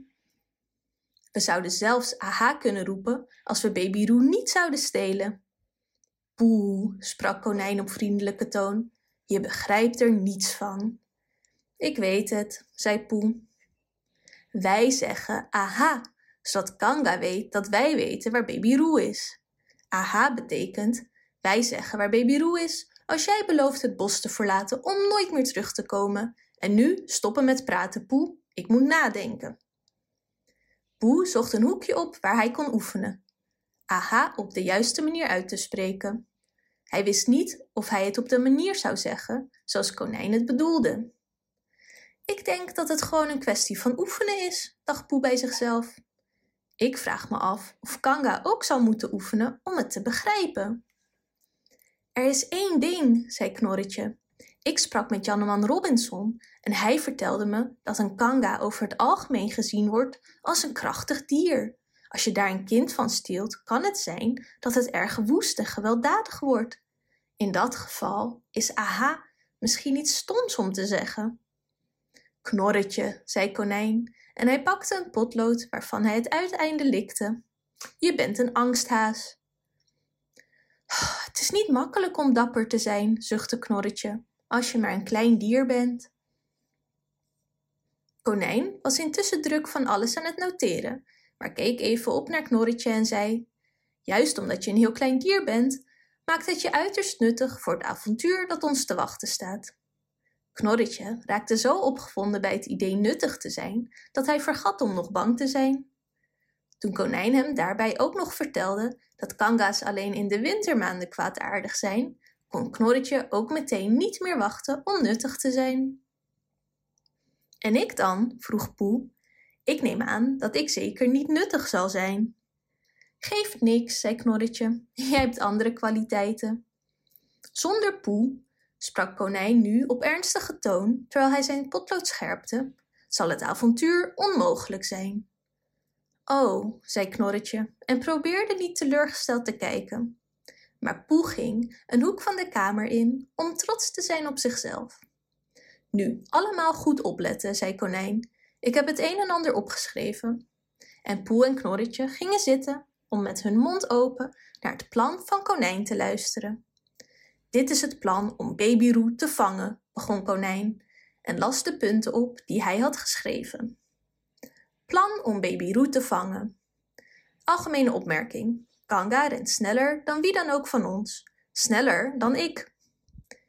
2. Meer algemene opmerkingen. Kanga verliest Poeroe, Baby Roe nooit uit het oog, behalve als hij veilig in haar buidel zit. Punt 3. Daarom zullen we het goed moeten voorbereiden, want Kanga rent sneller dan ons allemaal. Zie punt 1. Punt 4. Ideetje. Als Roe uit Kanga's buidel zou springen, zou Knorretje in de buidel kunnen springen. Kanga zou het verschil niet merken, want Knorretje is een heel klein dier. Punt 5. Net zo klein als Roe. Punt 6. Kanga zou eerst de andere kant op moeten kijken, zodat het haar niet zou opvallen dat het Knorretje is die de plaats van Roe inneemt. Punt 7. Zie punt 2. Punt 8. Nog een ideetje. Als Poe heel erg opgewonden tegen haar zou praten, zou ze misschien even de andere kant op kunnen kijken. Punt 9. En dan kan ik weglopen met Roe. Punt 10. Snel. Punt 11. En Kanga zou het verschil pas daarna ontdekken. Konijn las het met trots voor en bleef een tijdje stil, tot Knorretje met een hees stemmetje zei: En wat daarna? Wat bedoel je? Wat op het moment dat Kanga het verschil ontdekt? Dan zeggen we met z'n allen aha. Wij alle drie. Ja. Oh. Hoezo? Wat is het probleem, Knorretje? Niets, zei Knorretje. Zolang we het alle drie zeggen, vind ik het niet erg. Maar als ik in mijn eentje aha moet zeggen, zou het lang niet zo goed klinken. Trouwens, um, ben jij er vrij zeker van wat je zei over de wintermaanden? De wintermaanden? Ja, dat kanga's alleen in de wintermaanden boosaardig zijn? Oh, dat. Ja, dat klopt wel. En Poe, snap je wat jou te doen staat? vroeg Konijn. Nee, nou, niet precies, antwoordde Poe. Wat moet ik precies doen? Je moet met een hele harde stem praten tegen Kanga, zodat ze niets in de gaten heeft. Oh, um, maar waarover moet ik dan praten? Over alles wat je maar leuk vindt? Oh, misschien dat ik haar wat gedichten voordraag. Ja, prima, zei Konijn. Doe dat maar. Kom, laten we gaan. Dus gingen ze daarna alle drie op zoek naar Kanga. Kanga en Roe speelden in het zanderige deel van het bos. Baby Roe oefende er hele kleine sprongetjes in het zand, tot Kanga zei dat ze naar huis wilde gaan. Maar op dat moment kwam Poe eraan. Goedemiddag, Kanga, zei Poe. Goedemiddag, Poe. Kijk eens hoe goed ik kan springen, brabbelde Roe. Hallo Roe, mijn kleine mannetje, zei Poe. We waren net van plan om naar huis te gaan, zei Kanga. Goedemiddag, konijn. Goedemiddag, knorretje. Konijn en knorretje zeiden ook goedemiddag en hallo Roe. Roe vroeg hen springend naar hem te kijken, dus deden ze dat. En Kanga keek ook. Oh, Kanga, zei Poe, nadat Konijn hem al twee keer naar hem had geknipoogd. Ik weet niet of je interesse hebt in poëzie? Eigenlijk niet, antwoordde Kanga. Oh, zei Poe. Roe, liefje, nog één keer springen, dan gaan we naar huis, zei Kanga tegen Roe. Er volgde een korte stilte toen Roe in een konijnenhol viel. Kom op, fluisterde Konijn op een wat luidruchtige manier achter zijn pootje. Over poëzie gesproken, zei Poe, ik heb zelf onderweg wat leuke gedichtjes geschreven. Mooi hoor, zei Kanga. Toeroe, we gaan. Je zult dit deel van het gedicht van Poe prachtig vinden, zei Konijn. Je zult het geweldig vinden, zei Knorretje. Je moet wel heel goed opletten terwijl je luistert, zei Konijn. Zodat je er niets van mist, zei Knorretje. Goed, zei Kanga, terwijl ze Roe nauwlettend in het oog hield. Hoe gaat het, Poe? vroeg Konijn. Poe kuchte een beetje en begon. Poëzie, geschreven door een beer met weinig verstand. Op maandag, als de zon heet is, vraag ik mezelf veel af: is het nu waar of niet? Dat is wat en wat is dat? Op dinsdag, als het hagelt en sneeuwt, groeit het gevoel in mij dat bijna niemand weet of het hagel of sneeuw moet zijn. Op woensdag, als de lucht blauw is en ik heb niets anders te doen, vraag ik me soms af of het waar is, wie wat is en wat wie is. Op donderdag, als het begint te vriezen en zich ijspegels vormen aan de takken van de bomen en je gemakkelijk ziet van wie deze zijn, maar van wie zijn deze? Op vrijdag. Ja, zo is het toch, of niet? zei Kanga, niet afwachtend wat er op vrijdag zou zijn. Kom nog één keer springen, Roe, dan moeten we echt gaan. Konijn gaf Poe een poor. Over poëzie gesproken, zei Poe snel, heb je die boom daar wel eens opgemerkt? Waar? vroeg Kanga. Kom, nu, Roe. Daar, zei Poe, wijzend achter Kanga's rug. Nee, zei Kanga. Kom, Roe, spring erin. Roe, we gaan nu naar huis. Je zou echt eens naar die boom daar moeten kijken, zei Konijn. Zal ik je even in de buidel van je moeder tillen, Roe? En hij pakte Roe op met zijn poten. Ik kan er vanaf hier een vogel in zien, zei Poe. Of is het een vis? Je zou die vogel vanaf hier moeten zien, zei Konijn. Het is geen vis, het is een vogel, zei Knorretje. Zo is het, zei Konijn. Is het een spreeuw of een merel? vroeg Poe. Dat is een hele goede vraag, zei Konijn. Is het een merel of een spreeuw? Toen draaide Kanga eindelijk haar hoofd om om te kijken. Op dat moment zei Konijn met luide stem: Kom, Roe, hup, ga lekker mee met je moeder. Knorretje sprong in Kanga's buidel en Konijn rende weg met Roe in zijn poten zo snel als hij kon. Waar is Konijn? vroeg Kanga zich weer omdraaiend. Gaat alles goed, Roe, lieverd? Knorretje maakte een piepend roegeluid vanuit de onderkant van de buidel. Konijn moest weg, zei Poe. Volgens mij bedacht hij dat hij plotseling iets moest gaan bekijken. En Knorretje? Volgens mij dacht Knorretje op hetzelfde moment hetzelfde. Nou, we moeten nu echt naar huis, zei Kanga. Tot ziens, Poe. En met drie grote sprongen was ze weg. Poe keek haar na.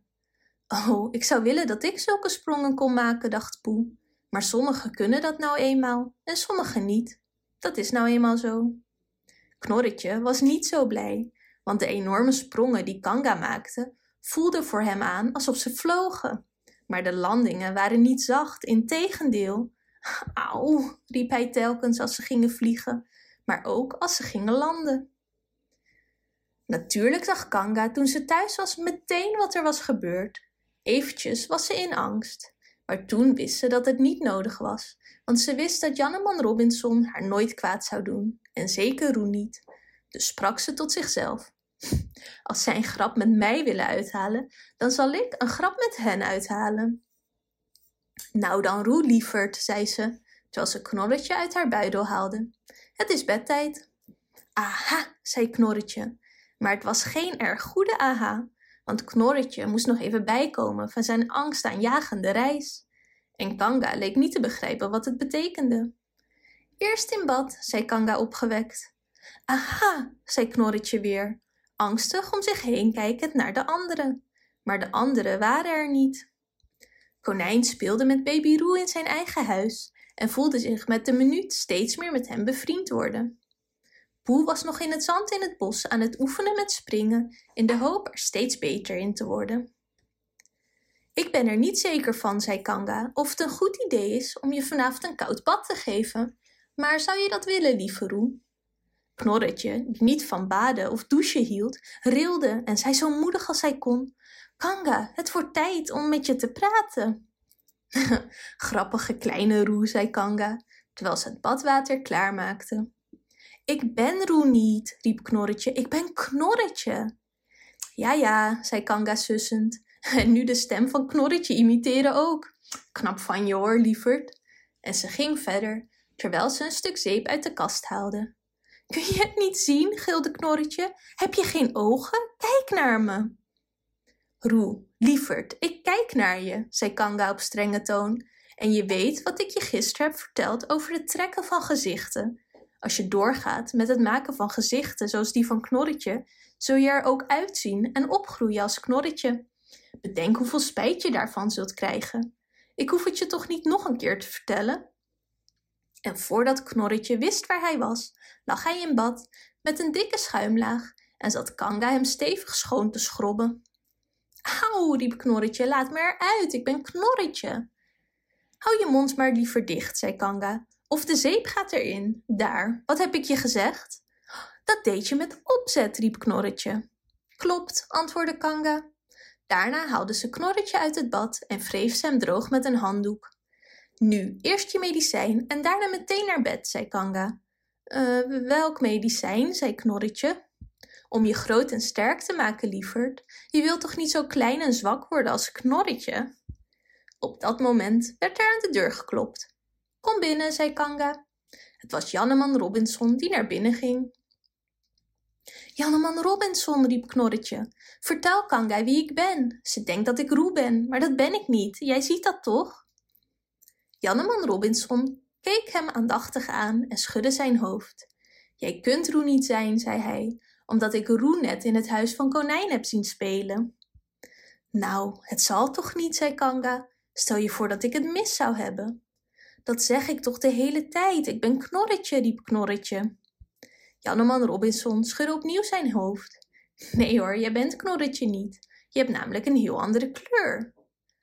Knorretje wilde net zeggen dat dit kwam omdat hij net in bad was geweest, maar toen hij zijn mond opendeed om dat te zeggen, stopte Kanga een lepel met medicijn erin en vertelde hem dat het het best een lekkere smaak had als je eraan gewend was. Ik wist dat het Knorretje niet was, zei Kanga, maar ik vraag me af wie het kan zijn. Misschien is het een familielid van Poe, zei Janneman Robinson, een neef of een oom. Kanga was het ermee eens dat dit waarschijnlijk was wat het was. Maar wie zou het kunnen zijn?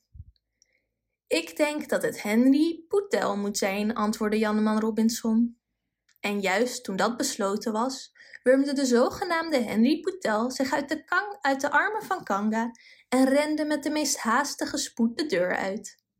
Die Janneman Robinson gelukkig open had gelaten. Hij rende zo hard als hij kon naar huis, maar wentelde onderweg nog even in de modder om zijn eigen bekende, comfortabele kleur terug te krijgen. Dus Kanga en Roe bleven wonen in het bos. Elke dinsdag bracht Roe door met zijn grote vriend Konijn en Kanga met Poe om hem de kunst van het springen te leren.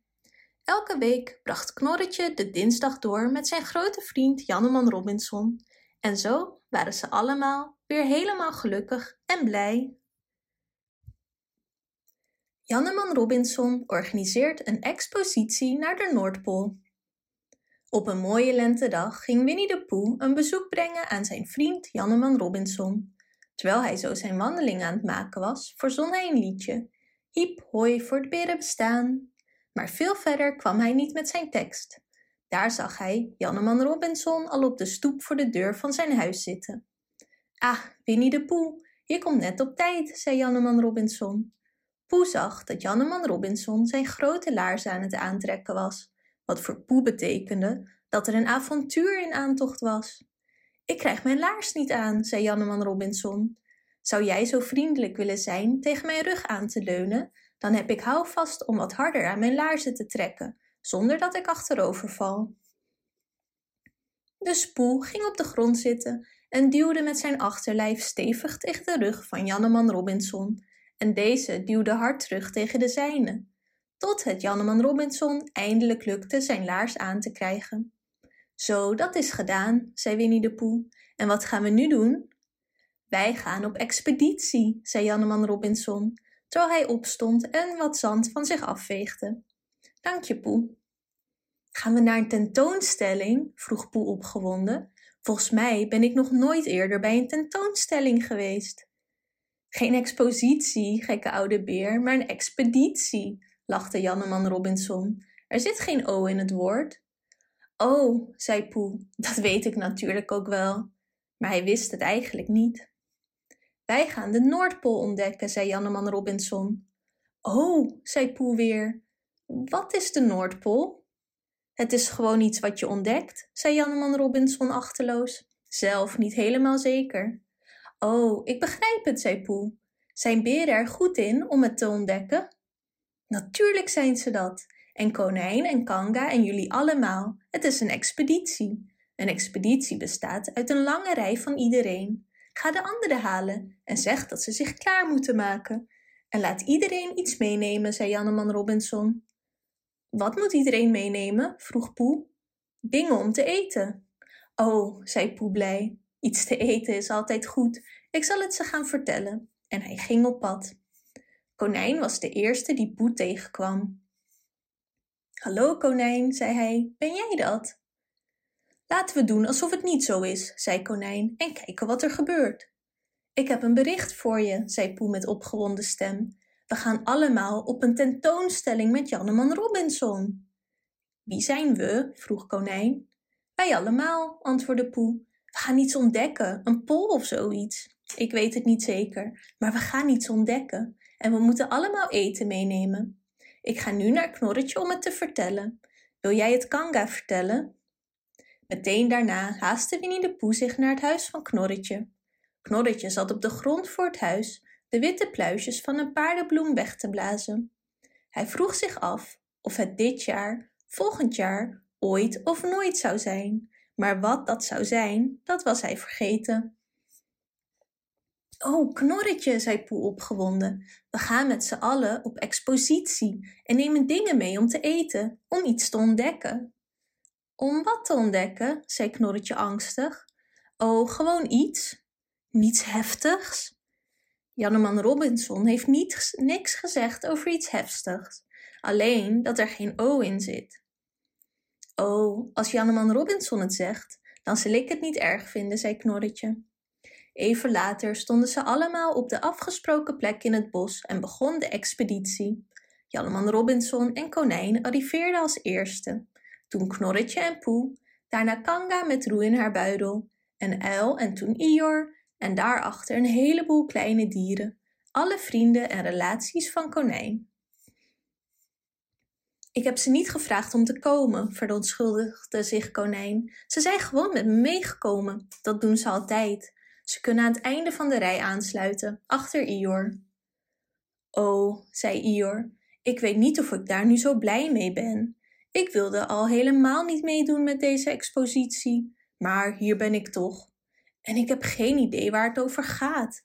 Goed, laat me dan ook maar de laatste in de rij zijn. Maar als ik even wil zitten om wat uit te rusten, hoop ik dat die rust me ook wordt gegeven. Ik begrijp precies wat je bedoelt, Ior, zei Uil. En als je het mij vraagt.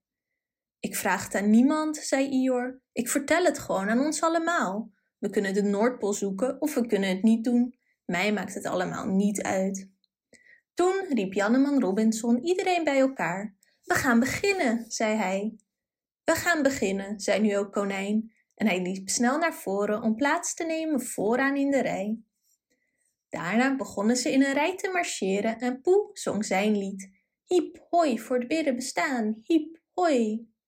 Daarna zei Poe tegen Knorretje, dat is de eerste zin van mijn lied. Welk liedje? vroeg Knorretje. Deze, antwoordde Poe. Welke? vroeg Knorretje weer. Nou, als je luistert, Knorretje, zul je het horen, antwoordde Poe. Hoe weet je dat ik niet luister? vroeg Knorretje. Poe wist daar geen antwoord op, dus begon hij weer te zingen. Wees eens stil, zei Janneman Robinson tegen Poe. We komen net aan bij een gevaarlijke plaats. Stil, zei Poe, zich snel omdraaiend naar Knorretje. Stil, zei Knorretje tegen Kanga. Stil, zei Kanga tegen Uil, terwijl Roe het een paar keer zei. Stil, stil, stil. Stil, zei Uil tegen Ior. Stil, zei Ior tegen alle vrienden en relaties van Konijn. En zij zeiden het weer tegen elkaar, tot de laatste in de rij het hoorde en daar zo van schrok dat hij zich in de aarde begroef en daar twee dagen bleef tot het gevaar voorbij was. Zijn naam was Alexander Kever. Ze bevonden zich nu bij een klein beekje waarin water stroomde vanuit de berg. Er lagen rotsen her en der verspreid in het water. Janneman Robinson zag meteen hoe gevaarlijk het er was. Dit is precies de plek, legde hij uit, voor een hinderlaag. Wat voor haag bedoelt hij? fluisterde Poe tegen Knorretje. Mijn beste Poe, zei, zei Uil op zijn superieure manier, weet je niet wat een hinderlaag is? Zonder het antwoord van Poe af te wachten, ging Uil verder. Een hinderlaag is een soort verrassing. Een hinderlaag, zoals ik Poe wilde uitleggen, zei Knorretje, is een soort verrassing. Als mensen plotseling naar je toespringen, is dat een hinderlaag, zei Uil. Ze klommen nu heel voorzichtig de stroom op, van rots naar rots, tot ze bij een plek kwamen waar de oevers aan weerskanten breder werden. Er lag gras langs de oevers en ze besloten om daar even te gaan zitten. Laten we nu ons eten maar gaan eten, zei Janneman Robinson. Dan hoeven we het verder niet meer met ons mee te dragen. Dat is een goed idee, zei Poe. Hebben jullie allemaal eten mee? vroeg Janneman Robinson. Allemaal behalve ik, zei Ior. Mag ik vragen of iemand misschien van, van jullie op een distel zit? Ik geloof van wel, zei Poe. Auw. Hij stond op en keek achter zich. Ja, dat ben ik aan het doen. Dat dacht ik al. Dank je, Poe, zei Ior en hij liep naar de plek waar Poe zat en begon te eten. Weet je, zei Ior, ze smaken er niet beter door als je erop gaat zitten. Je haalt als het ware al het leven eruit. Dus onthoud dat bij deze jullie allemaal. Een beetje aandacht en een beetje nadenken maakt het grote verschil. Toen Janneman Robinson klaar was met zijn lunch, fluisterde hij iets tegen Konijn. En Konijn zei: Ja, ja, natuurlijk. En samen liepen ze een eindje stroomopwaarts. Ik wilde niet dat de anderen het hoorden, zei Janneman Robinson. Precies, zei Konijn, die zich direct heel bijzonder voelde. Ik vroeg me af, Konijn, ik neem aan dat jij het niet weet, maar hoe ziet de Noordpool eruit? Nou, zei Konijn, zijn bakkenbaarden strelend, daar vraag je me wat. Ik heb het ooit eens geweten, alleen ik ben het een beetje vergeten, zei Janneman Robinson op een wat nonchalante manier. Het is grappig, zei Konijn, maar ik ben het ook een beetje vergeten, hoewel ik het ooit wel eens wist. Ik neem aan dat het gewoon een paal in de grond is, vroeg Janneman Robinson. Zeker een paal, zei Konijn, omdat een paal een paal is en je zou denken dat een paal in de grond zou steken. Ja, dat dacht ik ook, zei Janneman Robinson enigszins opgelucht. Maar waar vinden we deze paal? vroeg Konijn. Dat is waar we naar op zoek zijn, antwoordde Janneman Robinson. Daarna liepen ze terug naar de anderen. Op hetzelfde moment hoorden ze een plons en een luide kreet van Kanga. Het was Roe die in het beekje was gevallen. Kijk mij eens zwemmen, piepte Roe vanuit het midden van het beekje en hij werd door de stroom naar een volgende plek gebracht. Gaat het, lieve Roe? riep Kanga angstig. Ja, zei Roe, kijk mij eens zwemmen. En opnieuw bracht de stroom hem een stukje verder. Iedereen deed iets om te helpen. Ior had zich omgedraaid en zijn staart over de beek gehangen, waar Roe in het water was gevallen. Daar kon Roe zich aan vastgrijpen, maar het lukte hem niet. Ga iets halen, iets lager aan de overkant van de stroom, riep Konijn. Poe haastte zich en kreeg iets te pakken. Daar stond hij iets lager Roe mee op te wachten. Hij stond met een lange paal in zijn poten. Kanga kwam naar voren en pakte het andere einde ervan en tussen hen in hielden ze de paal boven de stroom. Kijk me eens zwemmen, riep Roem nog steeds opgewonden en pakte de paal waarmee hij uit de beek getrokken kon worden. Gaaf, heb je me zien zwemmen? vroeg Roe aan Janneman Robinson, maar hij luisterde niet. Hij keek naar Poe. Poe, zei hij, waar heb je die paal gevonden? Poe keek naar de paal in zijn handen. Ik heb het zojuist gevonden, zei hij. Ik greep het omdat ik dacht dat het nuttig zou zijn om Roe uit het water te halen. Poe, riep Janneman Robinson met ernstige stem. De expeditie is voorbij. Je hebt de Noordpool gevonden. Oh, zei Poe. Ior zat met zijn staart in het water toen ze allemaal bij hem terugkwamen. Mijn staart is zo koud dat ik hem niet meer voel, zei Ior toen de anderen hem zagen.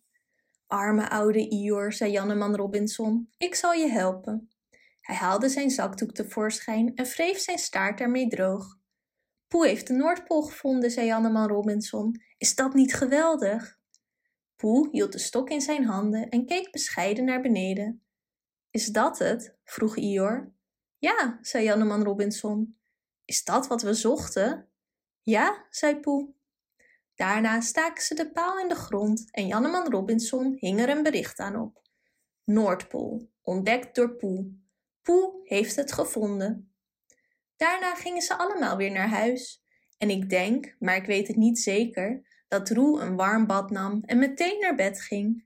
Maar Poe ging snel terug naar zijn eigen huis.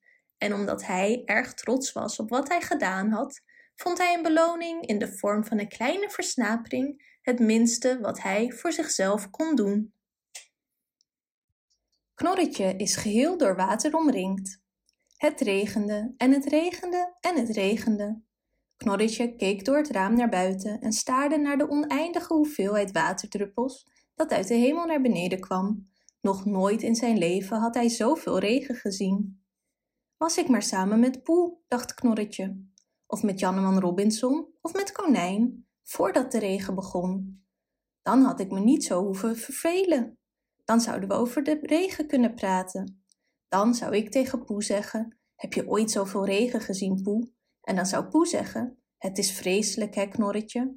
We zouden er uren samen over kunnen praten. Knorretje vond het best spannend worden, nu de kleine beekjes zich met zoveel water vulden dat ze begonnen te overstromen. Het water verzamelde zich rondom het huis van Knorretje en hij vroeg zich af wanneer al dat water zijn bed zou bereiken. Het is een beetje eng, zei Knorretje tegen zichzelf, om een heel klein dier te zijn, en dat helemaal omringd is door water. Janneman Robinson en Poe zouden aan het water kunnen ontsnappen door in een boom te klimmen. Kanga zou er met grote sprongen overheen kunnen springen. En Uil zou gewoon weg kunnen vliegen. Ior kan zoveel lawaai maken dat hij daarmee gered zou worden. Maar hier ben ik, omringd door water, en ik kan niets doen. Het bleef regenen. Elke dag kwam het water een beetje hoger en het reikte al bijna tot Knorretjes raam. Wat zou Poe doen? vroeg Knorretje zich af. Poe doet meestal domme dingen, maar alles eindigt bij hem altijd goed. En Uil? Uil heeft kennis en weet veel. Hij zou precies weten wat hij zou moeten doen als hij omringd zou zijn door water. En Konijn verzint altijd wel iets wat hij kan doen. En Kanga, die zou precies het juiste doen om Roet te redden. En dan hebben we nog Ior.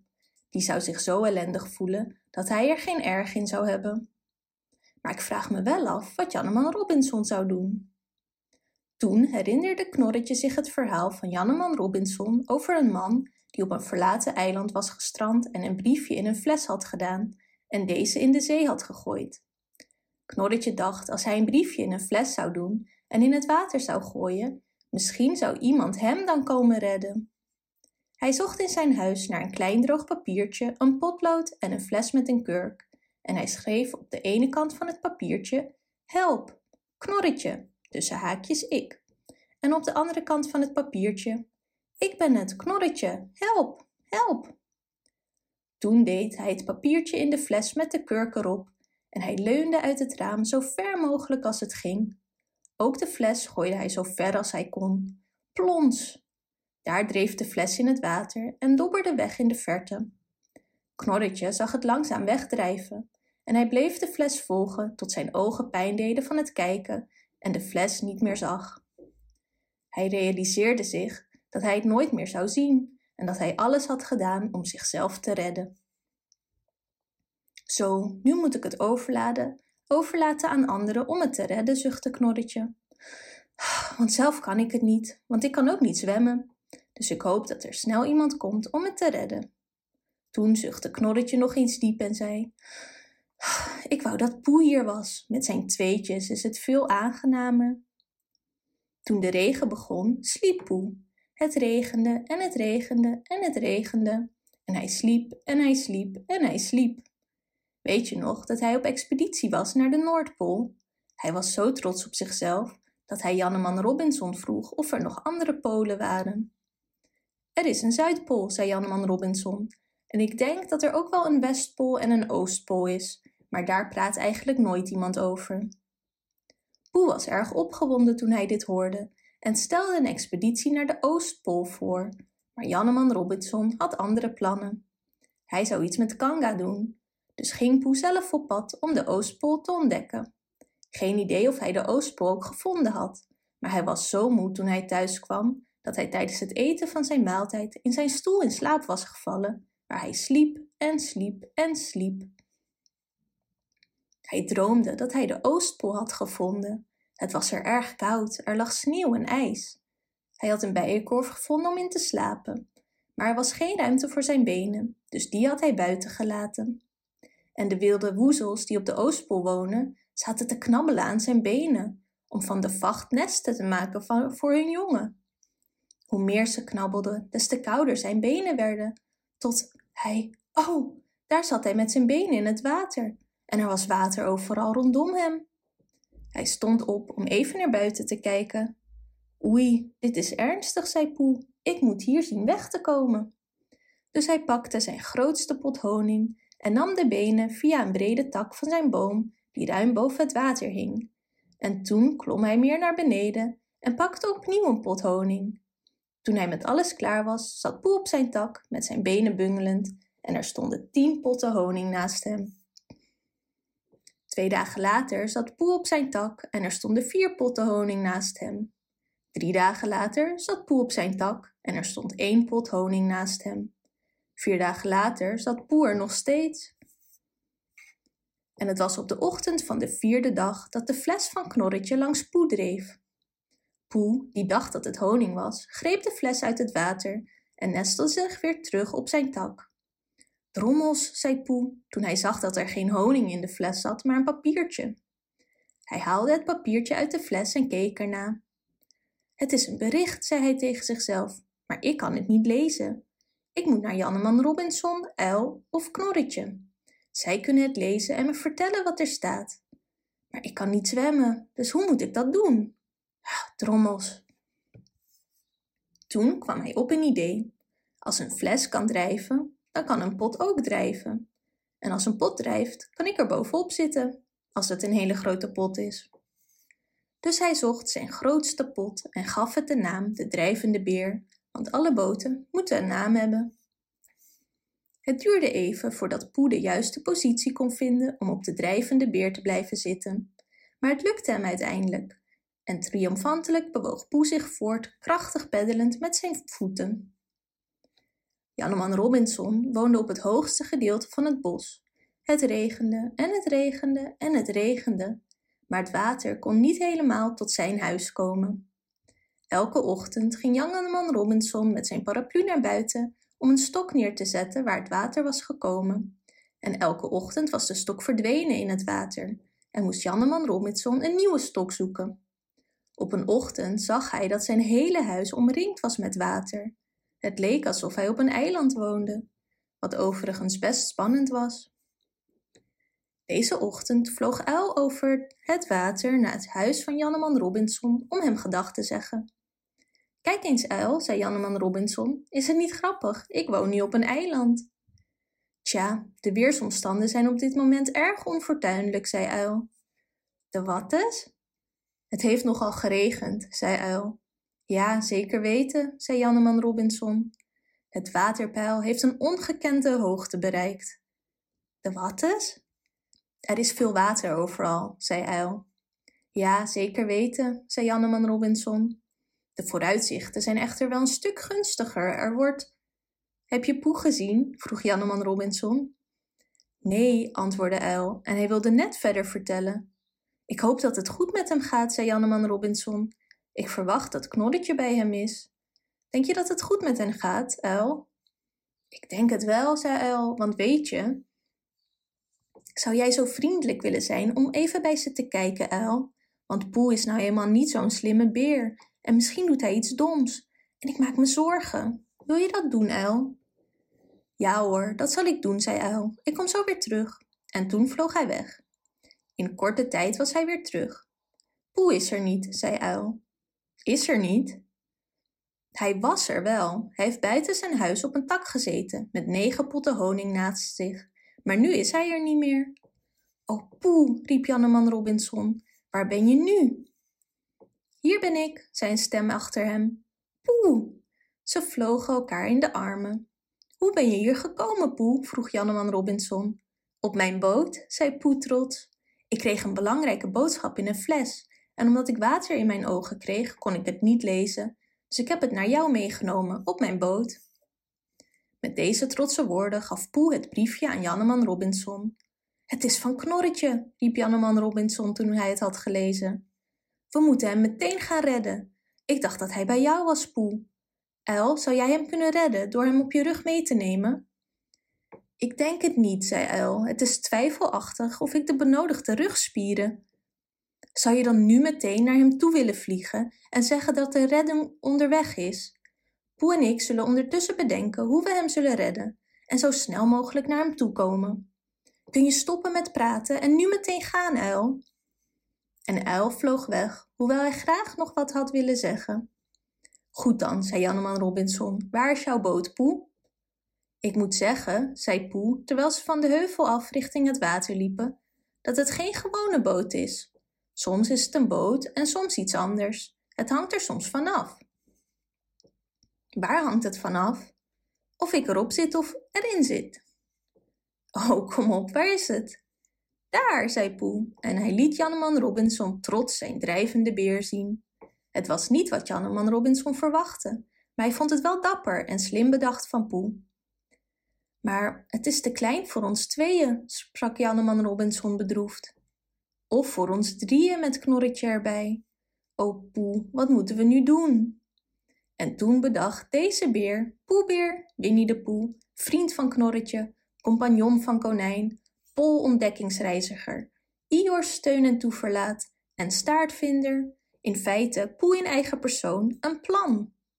En toen hij vertelde wat zijn plan was, was Janneman Robinson zo versteld van de genialiteit van het plan dat zijn mond open viel. Dit is wat Poe zei. We zouden met jouw paraplu kunnen gaan. Janneman Robinson zag dat wel zitten. Hij opende zijn paraplu en legde die met de punt naar beneden in het water. Het dreef, maar begon te wiebelen toen Poe erin stapte. Maar toen Janneman Robinson ook plaatsnam in de paraplu, wiebelde het niet meer. Ik zal deze boot het brein van Poe noemen, zei Janneman Robinson. En het brein van Poe zeilde onmiddellijk in zuidwestelijke richting, gracieus rondjes draaiende.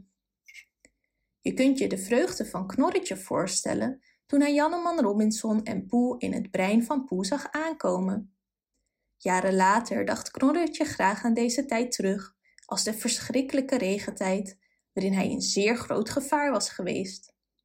Maar het enige gevaar waarin hij echt was geweest, was het laatste half uur, toen Uil op een tak voor het raam van Knorretje ging zitten en hem een dodelijk vermoeiend verhaal ging vertellen over een tante die ooit per ongeluk een zeemeeuwei had gelegd. Uil deed dat om Knorretje te troosten. Maar Knorretje, die zijn best deed het verhaal van Uil te volgen, viel in slaap en gleed langzaam uit het raam naar het water. Tot hij nog enkel aan zijn tenen aan het raam hing, waarbij hij wakker schrok door een plotseling luid gekrijs van Uil. Dat laatste maakte deel uit van het verhaal dat Uil vertelde. Dus je kunt je de vreugde voorstellen van Knorretje toen hij eindelijk het brein van Poe over het water zag aankomen met Janneman Robinson als kapitein en Poe als eerste stuurman. En dat is het einde van het verhaal, want nu ben ik heel moe van die laatste alinea, dus ik denk dat het goed is als het verhaal hier stopt. Janneman Robinson organiseert een feestje voor Poe. Op een mooie lentedag bracht Janneman Robinson een bezoek aan Uil. Uil, zei Janneman Robinson, ik ga een feestje geven. Ja, zei Uil, het is een goede tijd voor een feestje. Maar het moet een speciaal soort feestje worden. Speciaal omdat het ook is omdat Poe Knorretje gered heeft uit het water in de verschrikkelijke regentijd zei Janneman Robinson. Oh, daar is het ook voor, zei Uil. En dacht na hoe hij Janneman Robinson met zijn plan kon helpen. Ja, dus wil je het Poes zo snel mogelijk vertellen, Uil, en alle anderen, want dat gaat morgen gebeuren. Oh ja, zei Uil, nog steeds zo behulpzaam mogelijk. Ja, dus je gaat het ze vertellen, El? El wilde iets heel wijs bedenken om te zeggen, maar dat lukte niet. Dus vloog hij weg om de anderen het te vertellen. En het was Poe die hij als eerste opzocht. Poe, zei El, Jannema Robinson geeft een feestje. Oh, zei Poe. Toen hij zag dat El verwachtte dat hij iets anders zou zeggen, zei hij: Denk je dat er van die lekkere cakejes zijn met dat roze suikerglazuur? El wist daar het antwoord niet op en vond het ook nogal een domme vraag. Dus vertelde hij precies wat Janneman Robinson hem gezegd had en vloog daarna door naar Ior. Een feestje speciaal voor mij, dacht Poe bij zichzelf. Geweldig!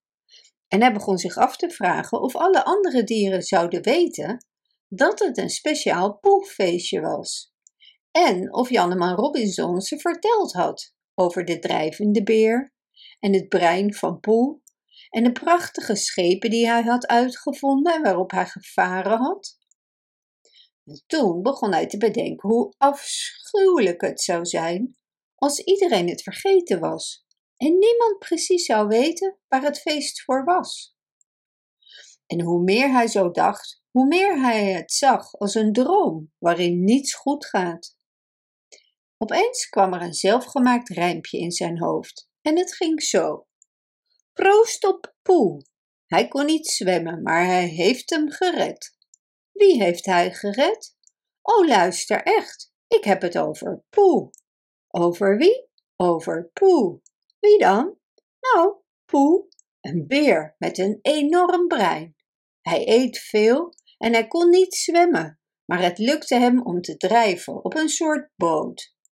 Wat voor soort boot? Nou, een soort pot. Dus laten we hem nu drie keer hartelijk toejuichen. Drie hoeraatjes.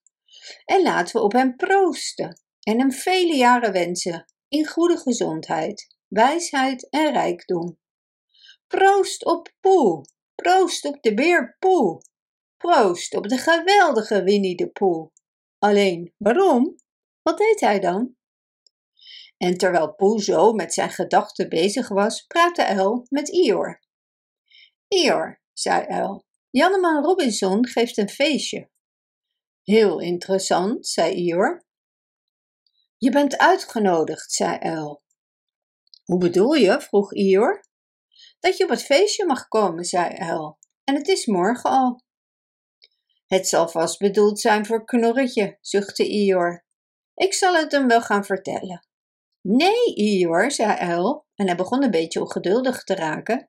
Het is voor jou bedoeld. De uitnodiging is voor jou bedoeld. Weet je het zeker? vroeg Ior. Natuurlijk weet ik het zeker. Janneman Robinson zei: Allemaal, vertel het ze allemaal. Allemaal behalve Ior?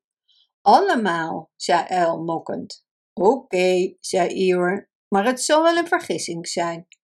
Ongetwijfeld, maar ik zal komen. En neem het, niet, neem het me niet kwalijk als het gaat regenen. Maar het ging niet regenen. Janneman Robinson had van lange stukken hout een lange tafel gemaakt en iedereen ging eromheen zitten. Janneman Robinson aan de ene kant en Poel aan de andere. En tussen hen in zaten aan de ene kant El en Ior en aan de andere kant zaten Konijn, Kanga en Roe. En alle vrienden en relaties van Konijn namen plaats op verschillende plekken in het gras waar ze zaten te wachten tot iemand met hen zou praten of iets zou laten vallen. Voor Roe was het de eerste keer dat hij voor een feestje was uitgenodigd en hij was erg opgewonden. Zodra ze gingen zitten begon hij te praten. Hallo Poe, piepte hij. Hallo Roe, zei Poe. En Roe sprong een tijdje op en neer in zijn stoel en begon toen opnieuw.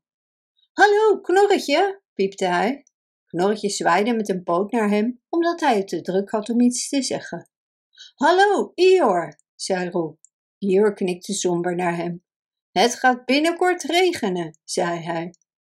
Roe keek in de lucht en toen keek hij naar El. En toen zei hij, hallo El.